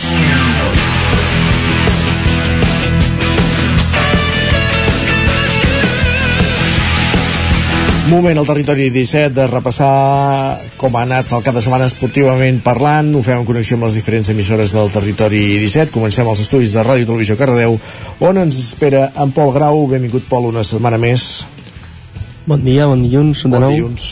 Tornem a arrencar la setmana, però repassant com ha anat esportivament parlant el cap de setmana. En el cas de l'entorn de Ràdio Cardedeu, tu diràs. Doncs comencem amb futbol. El primer equip del Cardedeu que ha, mm, no, no veu la victòria, ja que porta tres derrotes consecutives. Aquest cop va perdre davant del Parc a casa seva per 3 gols a 0 i s'allunya d'aquesta tercera posició que seria la última en, per aconseguir aquest ascens a primera. El Cardeu que és quart amb 39 punts i el Parc és eh, tercer amb 49 punts, així que veurem com, com acaba aquesta segona fase per ascens a primera.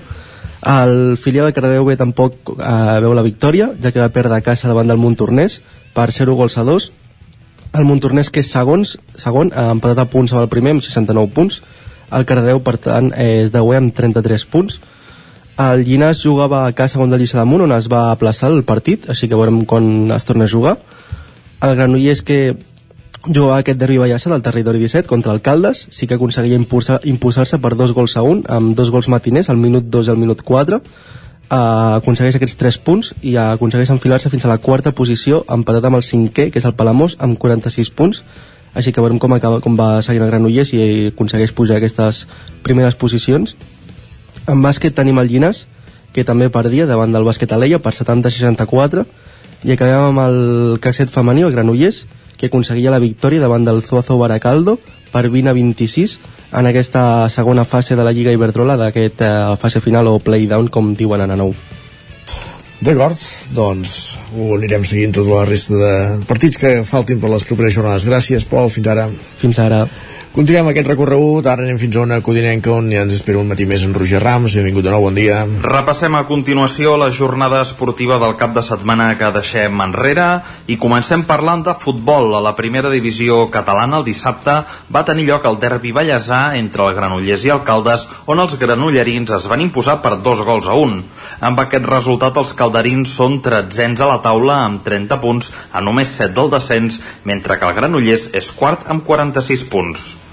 Més futbol a la tercera divisió catalana, el grup 5, el líder, el Mollà, va imposar-se per 3 gols a 0 en el seu partit davant dels Centelles, que permet als moianesos mantenir el lideratge amb 60 punts, això sí, empatats amb el Sant Feliu, que també en té 60 i que també va guanyar el seu partit golejant per 5 gols a 1 al Vic, fet que permet als codinencs mantenir el pols per l'ascens a segona. Per la seva part, el Vigas també va guanyar el seu partit per 5 gols a 3 davant el Fulgaroles. Això, combinat amb les derrotes dels equips que el segueixen, els permet seguir aspirant amb la permanència. En hoquei patins comencem parlant del femení perquè aquest dissabte el Vigas va perdre per un gol a 3 davant del Liceo en el darrer partit de la fase regular, fet que ha provocat el descens de les bigatanes que la propera temporada ja no jugaran a la màxima competició de l'hoquei patins estatal. I pel que fa a l'hoquei patins masculí, el Sant Feliu de Codines va perdre també dissabte en el que era la seva darrera jornada de Lliga a casa davant l'Espanyol per dos gols a tres, fet que provoca que els codinencs acabin la fase regular novens en la classificació amb 20 punts. Gràcies, Roger. Continuem aquest recorregut a la veu de Sant Joan per conèixer l'evolució dels equips del Ripollès. Isaac Muntades, bon dia. Ara, doncs mireu, aquest, és que no, aquest no, cap de no sentíem. Ara sí. Ah, Hola, bon dia. Doncs mireu, aquest cap de setmana bàsicament tenim eh, el, el futbol, que és el, el que s'ha jugat, perquè el futbol sala, el partit que havia de disputar l'escola futbol sala Ripoll Servicat eh, es va ajornar per, a, per, aquesta, per aquesta setmana, jugarà entre setmana. Eh, per tant, aquest cap de setmana el grup 18 de la tercera catalana, la Badesenc, va guanyar in extremis eh, per 3 a 2 en un partit que hauria pogut sentenciar molt abans, però no va ser gaire efectiu. Dani va avançar els locals amb un xut creuat dins l'àrea, Eric va empatar en un contracop al minut 20 i en el 70 el mateix Eric va capgirar el marcador de penal, però la Badesenc va aconseguir reaccionar i en els últims 5 minuts Sofian primer amb una bona acció individual i Dani en un 1 contra 1 davant del porter van capgirar l'electrònic. La Badesenc continua segon amb 57 punts i aquest ha de ser el seu objectiu eh, d'aquí a final de temporada perquè el Fornells ja es va proclamar campió de Lliga aquest cap de setmana. El Campdevànol va tocar-li la creu, en aquest cas va perdre l'últim minut en un partit que perdia 0 a 2 al final de la primera part, amb gols de Colell en un contraatac i també del mateix Colell de penal.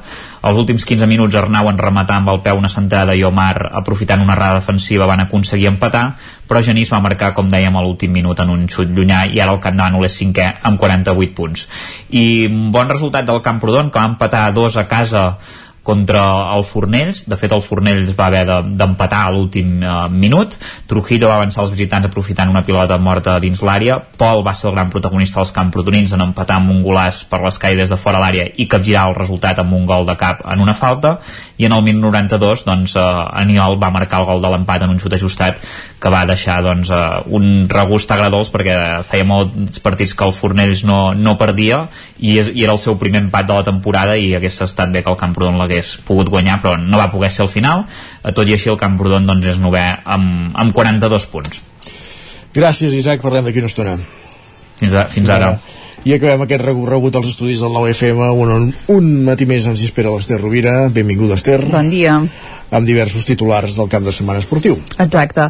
Um, comencem amb hoquei, si et sembla, on l'interès estava posat al pavelló de, de Manlleu, on dissabte el Martinelli, el Club Patí Manlleu, es jugava a tornar a l'hoquei Lliga en un partit clau, l'últim de la temporada, que enfrontava primer i segon classificat, que eren els Ribes de Manlleu i el conjunt local, el Manlleu, i els locals uh, van fer un bon, un bon partit, van plantar cara, però tot i així no van poder evitar perdre per 1 a 4, i d'aquesta manera uh, doncs, uh, la primera posició i l'ascens directe a l'hoquei Lliga és per al conjunt madrileny i els manlleuencs hauran de disputar ara un play-off a doble partit, anada i tornada contra el Sant Just, que ha estat el segon classificat de l'altre grup de, de la competició, del grup nord.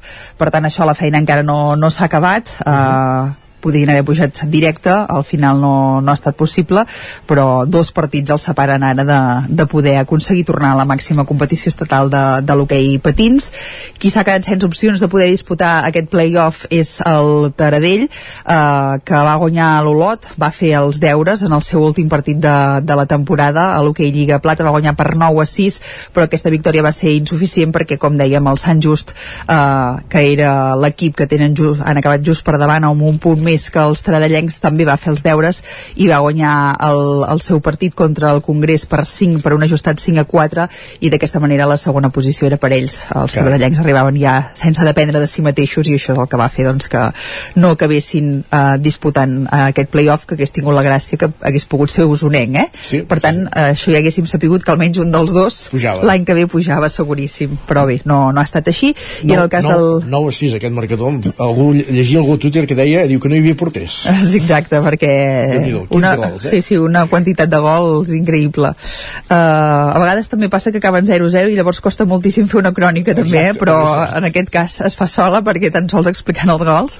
Ja la tens feta, sí. sí. sí. Uh, en el cas del, del Club Ativic uh, hem de dir que també va acabar la temporada golejant, en aquest cas 9 a 0 el seu partit contra les Rozas ja totalment intrascendent perquè ja feia dies que estaven salvats i que tampoc tenien cap opció a la, a la part alta i en el cas dels dos conjunts uh, de l'hoquei Lliga Femenina usonencs dic que el Martinelli Manlleu va perdre dijous el seu últim partit de la fase regular contra el Sant Cugat per 2 a 4 en un partit on hem de dir que estaven ja més centrades en la Copa de la Reina perquè debuten aquest dijous a dos quarts de 6 de la tarda contra el Fraga a la competició que es fa a, a Calafell i també ja un cop classificades pel playoff per al títol de, de Lliga per tant poca, segurament poca motivació, encara que sigui lleig dir-ho així no? en el partit de, de Lliga i el Voltregà que optava acabar en vuitena posició finalment eh, acaba en novena després de perdre per 3 a 4 a casa contra l'Igualada en el partit de, de comiat. Per tancar el bloc d'hoquei dir que ahir a la tarda eh, el cap de setmana d'hoquei es tancava amb la final de, de la Champions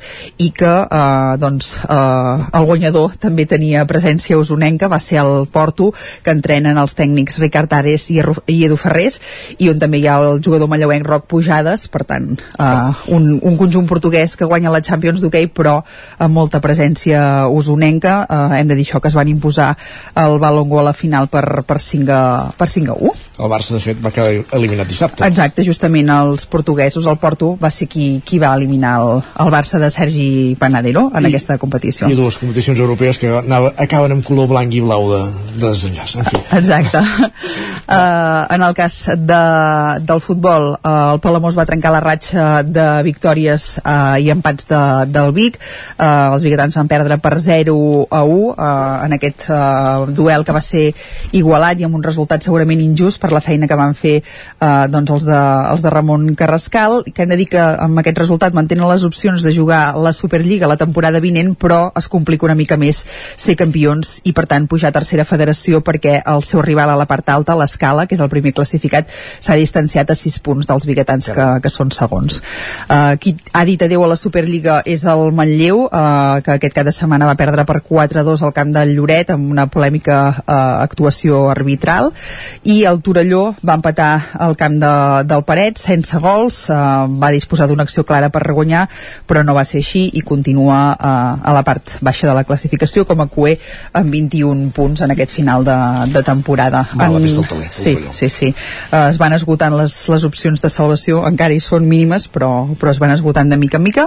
I en el cas de la primera divisió nacional femenina també va patir una derrota cruel al Vic Riu primer, que va encaixar una golejada al camp del segon classificat, el Seagull, per 4 uh, a 0, en un partit en què els va faltar definició. Les biguetanes, tot i així, es mantenen sisenes en aquest grup 3 d'aquesta competició estatal eh, del futbol. I acabem amb un parell de punts més per destacar en patinatge que el Club de Patinatge Artístic de Tona va sumar aquest cap de setmana una nova medalla europea, concretament el grup de xou petit es va penjar el bronze en aquest campionat d'Europa que es feia a Portugal, mentre que el grup gran va acabar en quarta posició, per tant de mica en mica el Tona que es va fent un nom dintre d'aquesta modalitat dels grups de xou de patinatge eh, i ara tots dos equips participaran a finals de setembre al Mundial, que és la gran cita eh, de la temporada i on recordem que la temporada passada el grup de Xau Petit es va proclamar campió del, del món. Veurem eh, si aquesta vegada també és possible o no. I just per acabar, dir que aquest cap de setmana també es disputava una altra cursa de muntanya de les moltes que hi ha a la comarca, la Via Castrum, i aquí els guanyadors van ser Arnau Montiel i Clara Vallès. Doncs enhorabona a tots dos. Moltes gràcies, Esteve. Que vagi molt bé. Bon dilluns. Avancem al territori 17, deixem enrere ja l'actualitat esportiva, tot seguit una petita pausa, ens esperen Guillem Sánchez amb les piulades i acabarem amb la tertúlia esportiva com cada dilluns després d'aquesta victòria del Madrid a la final de la Copa del Rei el passat dissabte. Pausa i tornem. El nou FM, la ràdio de casa, al 92.8. Si t'agraden les antiguitats, vine el 14 de maig al recinte Firal al Sucre de Vic.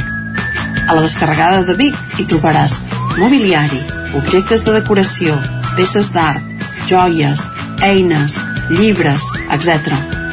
Descarregada d'Antiguitats de Vic. Diumenge 14 de maig. De 8 del matí a 2 del migdia. Sorteig d'un obsequi entre tots els visitants. No t'ho pots perdre. A Bailan sabem que quan té una avaria a la seva caldera vol una solució ràpida. Truqui al servei tècnic oficial Bailan i els nostres tècnics vindran ràpidament a solucionar-li el problema. A més, si canvieu ara la caldera, us regalem fins a 250 euros. Truqueu al 910 77 88 77 o entreu a bailan.es. A Boi Galtés trobaràs tot el que necessites relacionat amb l'equitació, t'assessorem i t'equipem amb tot el que et faci falta. Som especialistes. No ho dubtis i vine a Boi Galtés. Ens trobaràs al carrer Jaume I de Vic, número 5, al 93 886 1420, a la nostra web www.boigaltés.es i també som a Instagram boigaltés.equitació.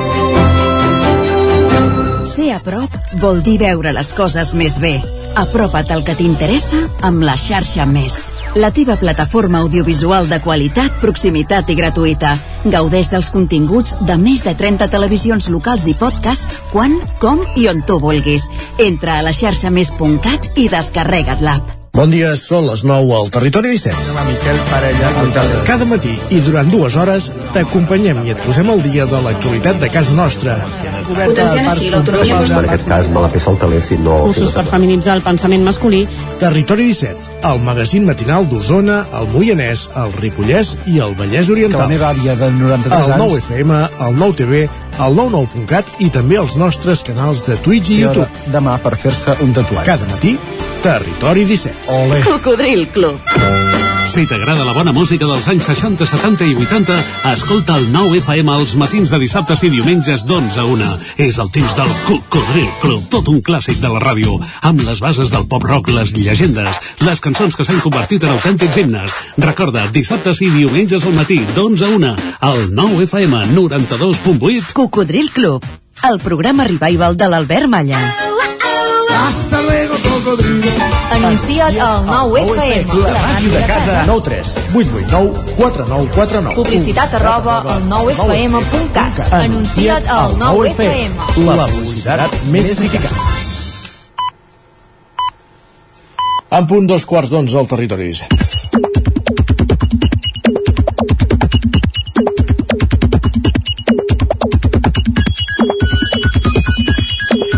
Guillem Sánchez, benvingut, bon dia. Què tal, com estem? Bé, i tu? Anar bé el cap de setmana? Doncs sí, de moment sí. Ens n'alegrem. A veure si continua ara aquesta setmana, no? Que continuï, que duri, sí, sí. Va, mira quin panorama Isaac s'ha trobat aquest matí aquest usuari de Twitter i ja ens, ho ha, ja ens ho ha escrit per, per xarxes. Diu, entra un client, ulleres de sol, gorra i mascareta. Demana un cartró. Més sospita. Vol pagar amb targeta, no va, no la vol posar per dins i posar el PIN. Intenta amb una segona targeta. Tampoc li funciona. Diu que va treure efectiu i ara ve. Creieu que tornarà? No. I això què era, un estanc? Entenc que era un estanc, quan diu un cartró, a no ser que sigui un supermercat i hagués demanat un cartró de, de vi. O de llet. O de llet, també. Mira, m'ha vingut més aviat al cap un de vi que no pas un de llet. Jo crec que no tornarà. D'acord. Uh, si torna, que ens ho, que ens ho escriguin, eh? També li podia haver demanat el DNI per comparar, comparar si la targeta era seva. Per, per exemple, per exemple. Va, situacions que es poden produir als matins, que també, com també la que ens constata i ens comenta en Joan, que diu els que cada matí prenen un cafè i van de ventre al mateix bar també existeixen. Home, és que el cafè té aquestes coses, eh? Home, i deuen ser com petites tradicions, no? Ja que vas a fer el cafè ja, ja fas tot junt. O potser que el del bar es planteja el tipus de cafè que ofereix. Aquesta seria una altra. També és una gran pregunta aquesta. Va, i l'Eli ha volgut deixar clar per Twitter que en aquesta vida es mostra satisfeta per algunes coses que ens comenta. Diu, a l'atzar li agraeixo tres dons. Haver nascut dona, de classe baixa i teletreballar els dilluns.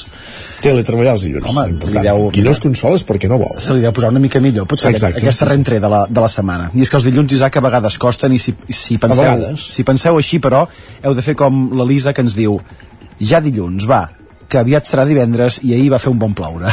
Això és ben cert. però, però com passem tan ràpid la setmana, com passem de dilluns a divendres? Hi ha gent, I passem per el dimarts, el dimecres i el dijous. hi ha gent que és molt positiva, veig. Va, i és que com ens diuen per xarxes, pluja per acabar el diumenge, encara el fa més diumenge. Sí, no? Sí. Si, si estàs a casa amb una manta i el sofà... Ara si, anava a dir, ara si, anava a si dir. vols anar a un concert del Festival de Jazz de Vic... Per exemple, costa més. Mm, mm. Costa més, quedes més fotut. Bastant. Va, però per, per començar setmana, com deia, més dur i més si toca a fer-ho agafant la R3. Ui, o l'R2 Sud, eh? Ara mateix no sabria què No sé quina guanya, no sé quina guanya. Va, com ens escriuen, com cada dilluns s'ajunta a la Garriga la gent del tren de les 7 i 22 i la del tren de les 7 i 36, perquè el primer tren va tardíssim i quan queden 14 parades ja no hi ha lloc per seure. Diu, estem fartes de viatjar en condicions indignes. Les que anem al tren també són persones. També, també. També són persones. De fet, deuen ser més persones els que van al tren que no pas els que prenen decisions. depèn com. Els que el porten, bueno, els que el porten no sé, si- no. no sé si dir-ho o no. No, els que el porten no. Va, però vinga, canviem de tema i anem a parlar de coses una mica més alegres. L'Andreu ens constata el següent per xarxes. Diu, he fet un estudi amb tot el rigor del món i el resultat és que la gent que celebra el Dia de la Mare, que es veu que era ahir, no? Uh -huh. És la mateixa que celebra el Dia de Sant Valentí i organitza un campionat de disfresses per carnestoltes. Algun cop ha volgut fer el Dia d'Acció de Gràcies, però ningú l'ha seguit. Pobrets. Pobrets, pobrets. Va, i som que venim d'un cap de setmana una mica monàrquic, em sembla, Isaac, oi? Ah, sí? Sí? Jo que sí. Vas veure la... No, no, no, la altra feina, tenia, altra feina tenia. Com que no? Altra feina tenia. Altra feina teníem, va. Uh, ja t'han convidat per això a fer un té i unes pastes allà... No, no, no encara diu- tampoc. no, no, tampoc. Va, l'Anna ens diu, trobo que el rei d'Anglaterra és com un lluç bullit i malhumorat. Jo sempre que el veig per la, per la tele fa cara com si li hagués sortit alguna cosa malament en aquest home. Ho ha definit bé, eh? Lluç, lluç bullit i malhumorat. Sí, sí. I també per Twitter llegim una reflexió interessant. Ens diuen, coronen el rei d'Anglaterra, però no ens coronen a nosaltres per matinar cada, cada dia. Exacte, i agafar l'R3. Home, si haguessin de fer corones com la que li van posar ahir, tindríem problemes també per fer-ne per totes les persones, perquè allò... Però mare això meva, són llocs de treball, eh? Faríem corones. Sí? Ma- més... Producció de... Exacte. de corones. Va, i en comparació amb la setmana passada, la Núria ens escriu prefereixo un Twitter ple de Bruce Springsteen que de la coronació del rei d'Anglaterra. Això també és cert. I en Miquel també hi posa una mica de cullerada i ens escriu jo el perill no el veig en la intel·ligència artificial sinó en la intel·ligència humana que l'any 2023 encara corona reis i reines amb mig món aplaudint i amb moltes hores de mitjans de comunicació seguint-ho, eh, també. Equiliquà, que deia aquella. Equiliquà. Va, i acabarem amb un consell gastronòmic de la mà d'en Joel, avui que és dilluns, per començar setmana així forta. Ens escriu, la nespra és una de les fruites més ben parides que hi ha, i ara n'és temporada. Doncs a comprar nespres. A comprar nespres, va. Gràcies, Guillem. Que vagi molt bon bé. dilluns. Eh, nosaltres avancem al territori 17 i després de veure què diu la gent a Twitter ens disposem a parlar d'esports. Entrem a la tertúlia esportiva.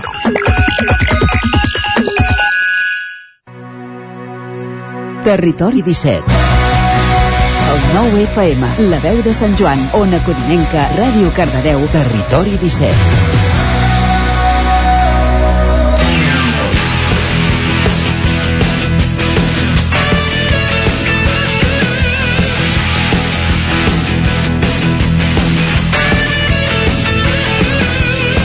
Doncs temps de tertúlia esportiva a la recta final dels dilluns al territori 17 amb l'Agustí de Anés, eh, Lluís de Planell, l'Isaac Montades i en Pol Grau.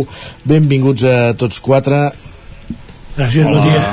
Bon dia. Muntades, estaràs content, no? No, no has fet cap cosa d'aquelles que ens penges un banderí aquí darrere teu o alguna cosa així avui? No, no, no, perquè no, no, Cap no he sa- pensat agafar-lo aquest cap, matí. cap De fet, samarreta de Vinícius ni... Volia venir amb alguna samarreta, però no, al final he pensat, dic, no, perquè és, és habitual no, que el Madrid guanyi títols, llavors eh, ja és una cosa rutinària i he pensat que no, no calia més furgant la ferida, no? sobretot per als culers, que, que aquest any, clar, ja portem un triplet nosaltres i, evidentment, doncs, Un triplet. podem... Sí, sí, sí, Supercopa d'Europa, Mundial de Clubs i la Copa del Rei i ara evidentment doncs intentar guanyar la Champions i a més a més hem aconseguit tots els títols possibles en dos anys només que això és la vegada que s'aconsegueix més ràpid de la història del Madrid per tant mm, podem dir que Eh, Tu li has de dir que encara teniu opcions a la Lliga. I encara tenim opcions de la Lliga si el Barça efectivament perd tots els partits i nosaltres els guanyem tots, cosa que jo no descartaria perquè Ah, a sí, vegades sí, coses sí. més estranyes s'han vist en el món del futbol és, és complicat, eh? també s'ha de dir eh? vull dir, no, no hi tinc gaires esperances però bé, és una lliga que en certa manera el Barça l'ha guanyat com l'ha guanyat, no guanyant molts partits per 1 a 0, amb una mica de, de fortuna en alguns partits i el Madrid es va Quants punts desendollar de i, diferència amb el segon? i li ha, i li ha regalat bueno, per això que et dic, que li hem regalat la Lliga perquè ens, ens volíem centrar a guanyar la Champions que és la competició que importa i on el Barça ja fa temps que no, que no hi juga perquè fa dues temporades que l'eliminen a la fase de grups com, com bé sabeu per recordar-ho, que no sé si ho recordàveu La Lliga no la guanyarà pas el Barça diumenge, oi, Lluís? No, però no. Espero que no, eh, Lluís? No, no, diumenge tenim feina nosaltres i, i hem de sumar eh, per anar bé 9 punts i els, els tres primers diumenges està bé, està bé. el Barça ja, ja, ja serà campió abans de... no, espero que no eh, no perquè el Madrid juga contra el Getafe i ens convé que el Getafe perdi per tant eh, no, espero que el Barça no sigui campió però és igual. Ui, però el, el Madrid tenia els partits amb el City vols dir que jugarà amb unitat Z diumenge, no, aquest és el problema, aquest és el problema. El que passa és que el Getafe està tan malament que que el, el, això amb la Z el Madrid en té prou. Però bé, és això aquests finals de Lliga eh, amb tot pràcticament decidit perquè el Madrid l'única que pot aspirar és a quedar segon malgrat el que deia l'Isaac. I clar, bueno, suposo que intentarà quedar segon perquè el, el, el, el segon serà l'Atlètic de Madrid i la rivalitat entre els dos equips també és, és important com perquè el Madrid justifica l'esforç d'això, d'intentar quedar segon i llavors nosaltres doncs és això hem de, hem de guanyar el Barça hem de guanyar Getafe eh, no, hem de guanyar eh, Vallecas i hem de guanyar l'Atlètic de Madrid i ja estem salvats veus que és fàcil? Ostres, però és molt optimisme això també. És com jo, eh? Sí. És, un, és un optimisme també. No, l'Atlètic de Madrid és complicat, eh Lluís? Per no, això i amb el Barça. No, i hem de, hem de procurar arribar vius als dos partits finals que són al camp del València i a casa amb l'Almeria i llavors si, si ho aconseguim doncs hi ha un mínim d'esperances de, de salvar-nos. I si no la temporada que ve doncs jugarem a segona divisió que no pot passar res vull dir que que a més els, els culers llavors podreu anar fredant. El Girona és el segon equip català de futbol. I una mentida com una altra però eh, no, ho, si ho si l'Espanyol baixa no serà cap mentida.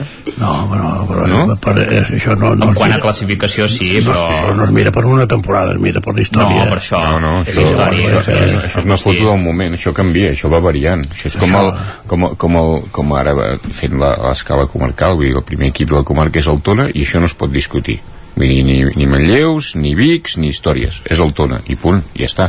Llavors això... Però històricament- I, llavors això una, un, altre, un altre dia canviarà. Sí, però la història dona moltes voltes. I, i ara som al, al 2023. I avui el primer equip de futbol d'Osona és el Tona, i s'ha acabat la història. vale, vale. No, no, jo no t'ho discuteixo, eh? Enhorabona al Tona, també, que a més a més...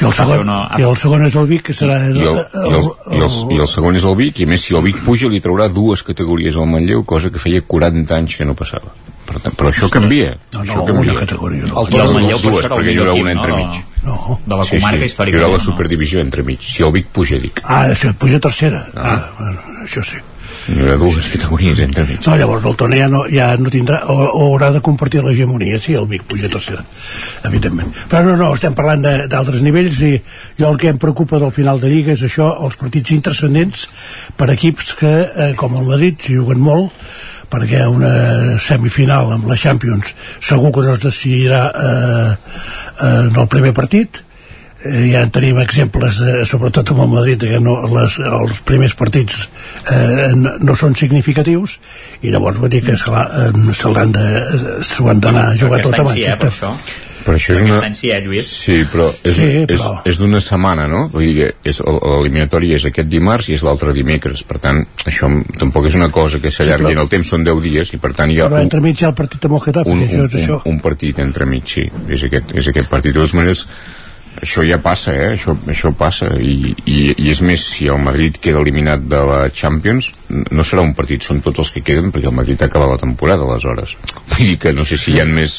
més i, No, i, i si- igual, igual al Barça. Igual al Barça. Sí, exacte. Si el Barça guanya la Lliga, els, els partits que queden, ja està això. I, i llavors això és el que distorsiona Però això passa, eh? Però això Ja, passa, ja. això passa. Ha passat, quan, ha passat altres vegades i jo crec que, que també passarà aquest any perquè la Lliga està molt clar des de fa moltes setmanes qui, qui, qui l'ha guanyada és només administrar l'avantatge. El Madrid lluitarà si, si és aquest Albert perquè és de segona posició i l'eliminatòria aquesta de la Champions que és una mica el que marcarà el, el, el nivell de la temporada perquè dir, el Madrid va guanyar és lògic que guanyés, l'Ossassuna va ser un digne rival però el Madrid té infinitament més bon equip que el, que l'Ossassuna és lògic que guanyés la final és, és, una, és, un, és un títol bo però és el tercer títol vull dir, no, el tercer títol em refereixo amb l'ordre de- d'importància perquè hi ha la Champions, hi ha la Lliga i hi ha la Copa del Rei i ja està, vull dir, això és així no? Però molt meritós, no, guanyar-lo, Agustí, perquè el No, està bé, el Madrid feia, feia anys, feia anys, però el Madrid la va guanyar al camp del Barça, la Copa del Rei, no la va guanyar dissabte.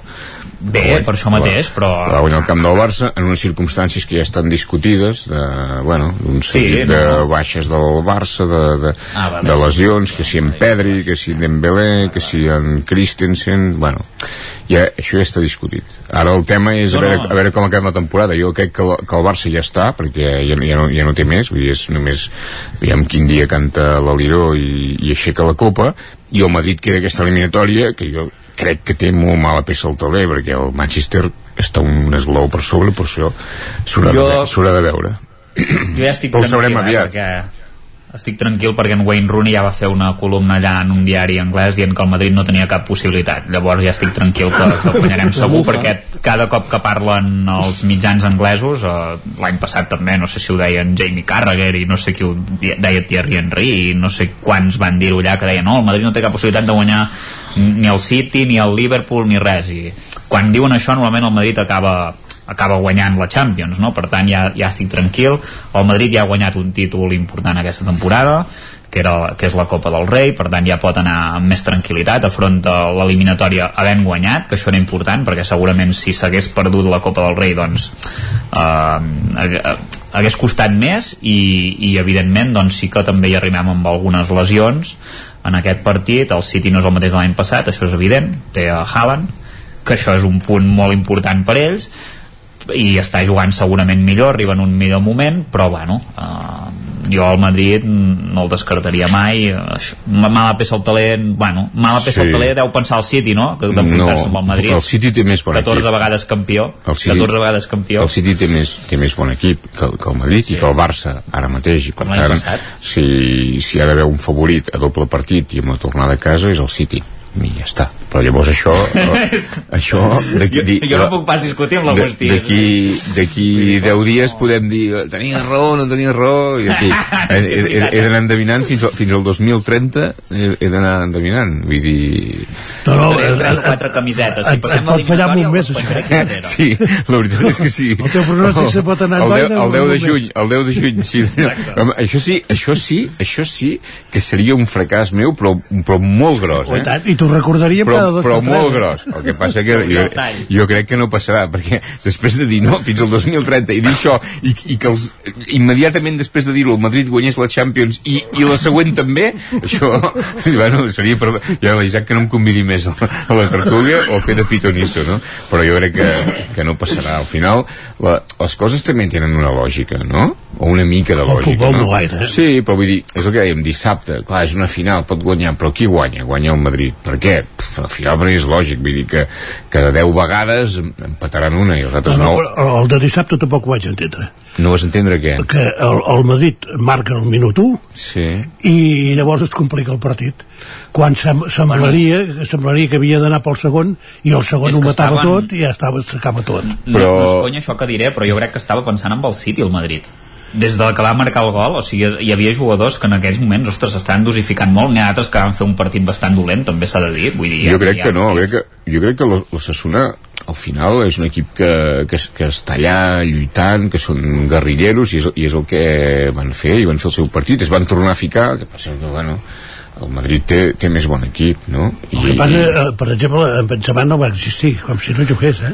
No, i... No, va, per això va, estava i- com reservant, se'm va semblar, i però en- bueno, ja amb en Vinícius ja feia per dos. En Vinícius va jugar més partits perquè va, ju va, Sí, va ser- jugar tres partits. tres o quatre, no? Vull dir, contra, el, contra Sí. els adversaris contra els àrbits, estones contra, co- contra els seus companys també, la qual cosa és I jo contra ell mateix. jo trobo d'un- cansament eh, és molt, ha de ser molt cansat això no? Comptes de, dir, i la majoria de partits sense la pilota a més a més no sé.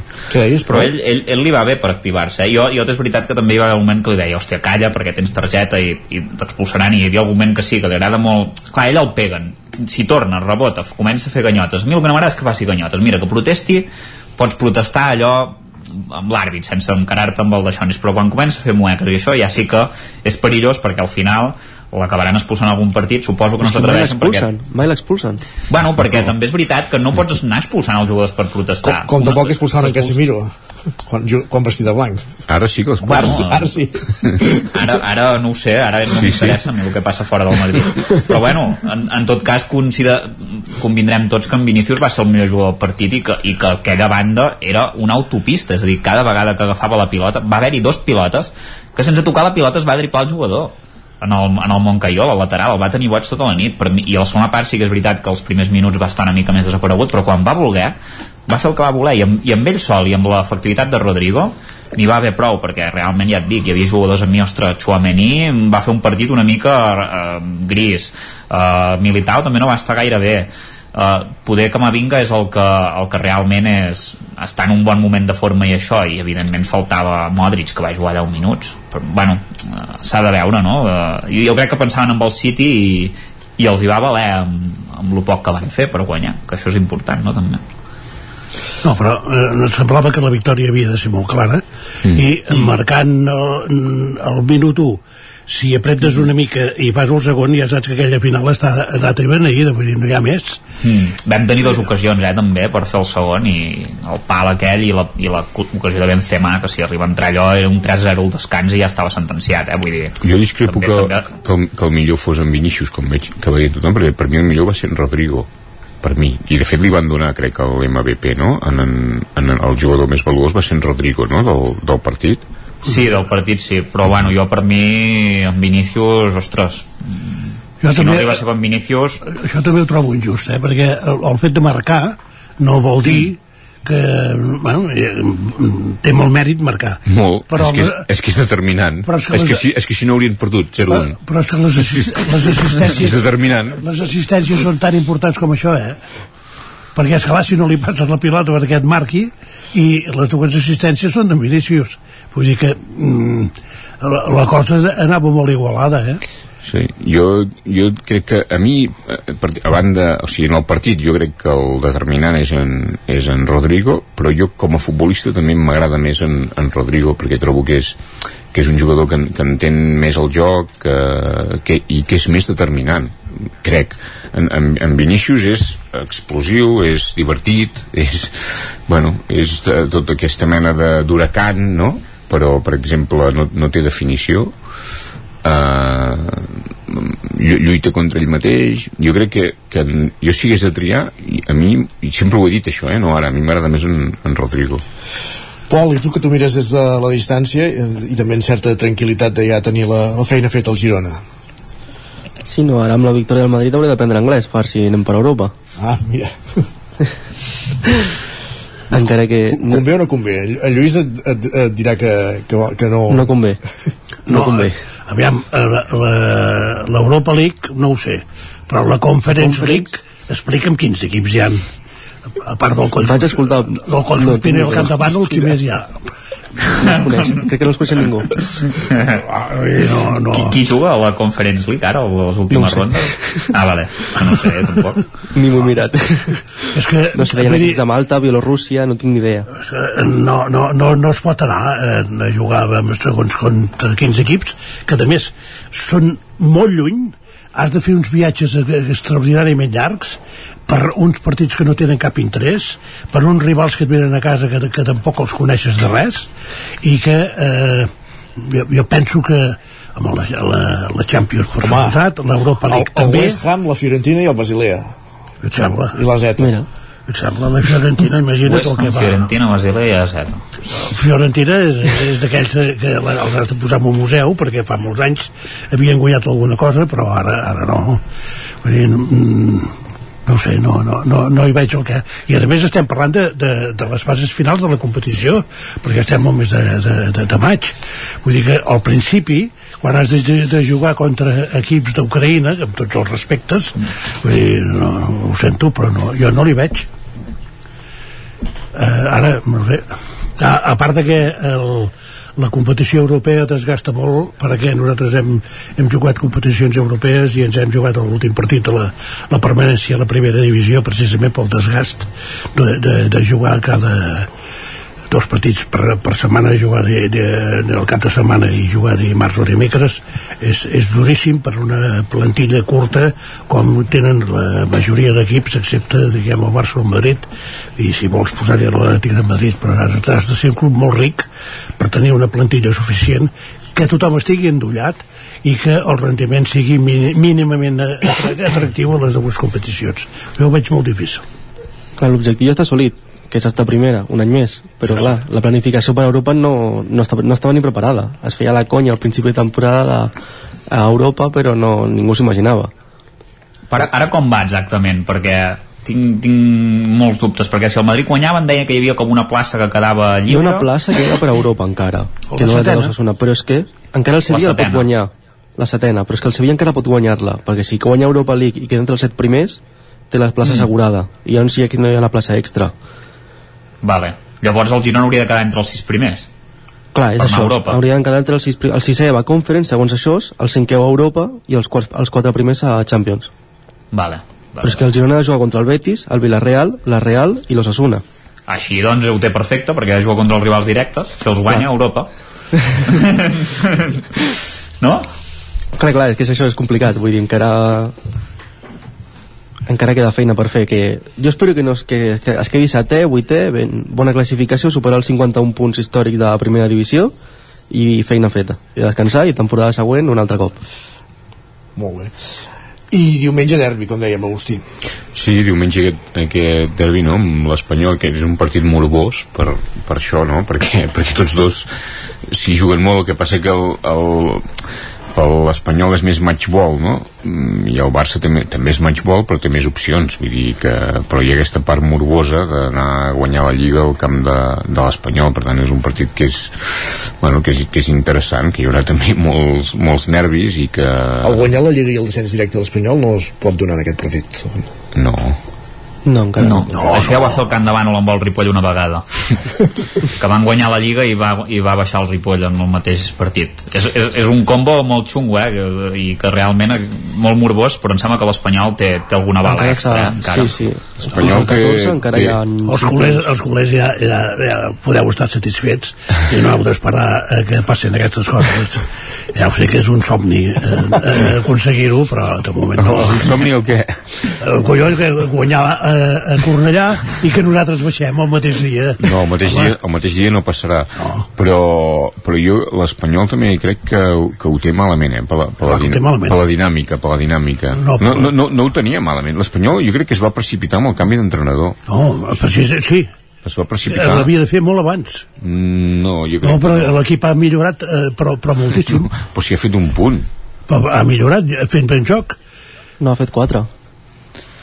Exacte, ha guanyat no? algun partit, no? Va guanyar el Getafe, no? L'altre dia? Mm. No, no, i, i l'equip ha millorat i a la primera part de, de, del partit de, de Sevilla eh, va ser superior però llavors eh, eh, el problema el tenim en, en defensa primer amb el porter, ara ho, això ho hem solucionat, però no, no, no ens en sortim dels però centrals. els, es van precipitar perquè l'Espanyol no estava en, en una situació, sempre ha estat allà però, no, però ha, ara ha quedat més enganxat amb el descens perquè altres adversaris que han fet el, el canvi d'entrenador eh, en aquestes alçades ha de ser més revulsiu, ha d'haver un resultat més immediat, com ha passat amb el Sevilla, que el Sevilla té un equipàs, però l'Espanyol, tenint, tenint jugadors a dalt que fan gols, no pots estar en aquesta situació. És dir, perquè això és el més difícil. L'altre es pot entrenar, això no. Això ho has de tenir. I tenint el, el danès i el, i el Joselu, amb, amb, amb aquests jugadors, això és, això és el més difícil. Això els equips de baix no ho tenen. I els que ho tenen... I el València amb el Cavani? Però en Cavani quants anys té? No ho sé. Quants gols ha fet en Cavani? Que, em sembla que és el màxim golejador del València, no? Quants gols ha fet en Cavani? 5 o 6? De totes maneres... És el màxim golejador. Ja, però... De totes maneres, si ho mires, si ho mires bé, José Lom va tenir dues a Sevilla, que com a mínim haurien donat un punt. Vull dir, aquests equips, el, el, el, el, el, el Celta, el, aquests equips que, que, tenen, que tenen aquest jugador, aquest és el, és el que els hi falta. En els equips de baix els hi falta això. I els que ho tenen, no, has d'administrar d'una altra manera, perquè, perquè a l'altre, defensar-te, això es pot entrenar i l'Espanyol jo crec que això no, no ho tenia malament, no ho tenia mal, mal, mal, mal plantejat això, i l'entrenador, el canvi d'entrenador no ha portat resultats? De l'Espanyol no, no preocupa això. l'Espanyol em preocupa que no, ningú sap on vol anar al club. Perquè és, és, tot és un desastre. El futbol base és un desastre. És, és horrorós. El futbol femení eh, no hi ha manera que se'n surtin o sigui, no jugaran ni el play-off per, per pujar de categoria eh, per aquesta segona.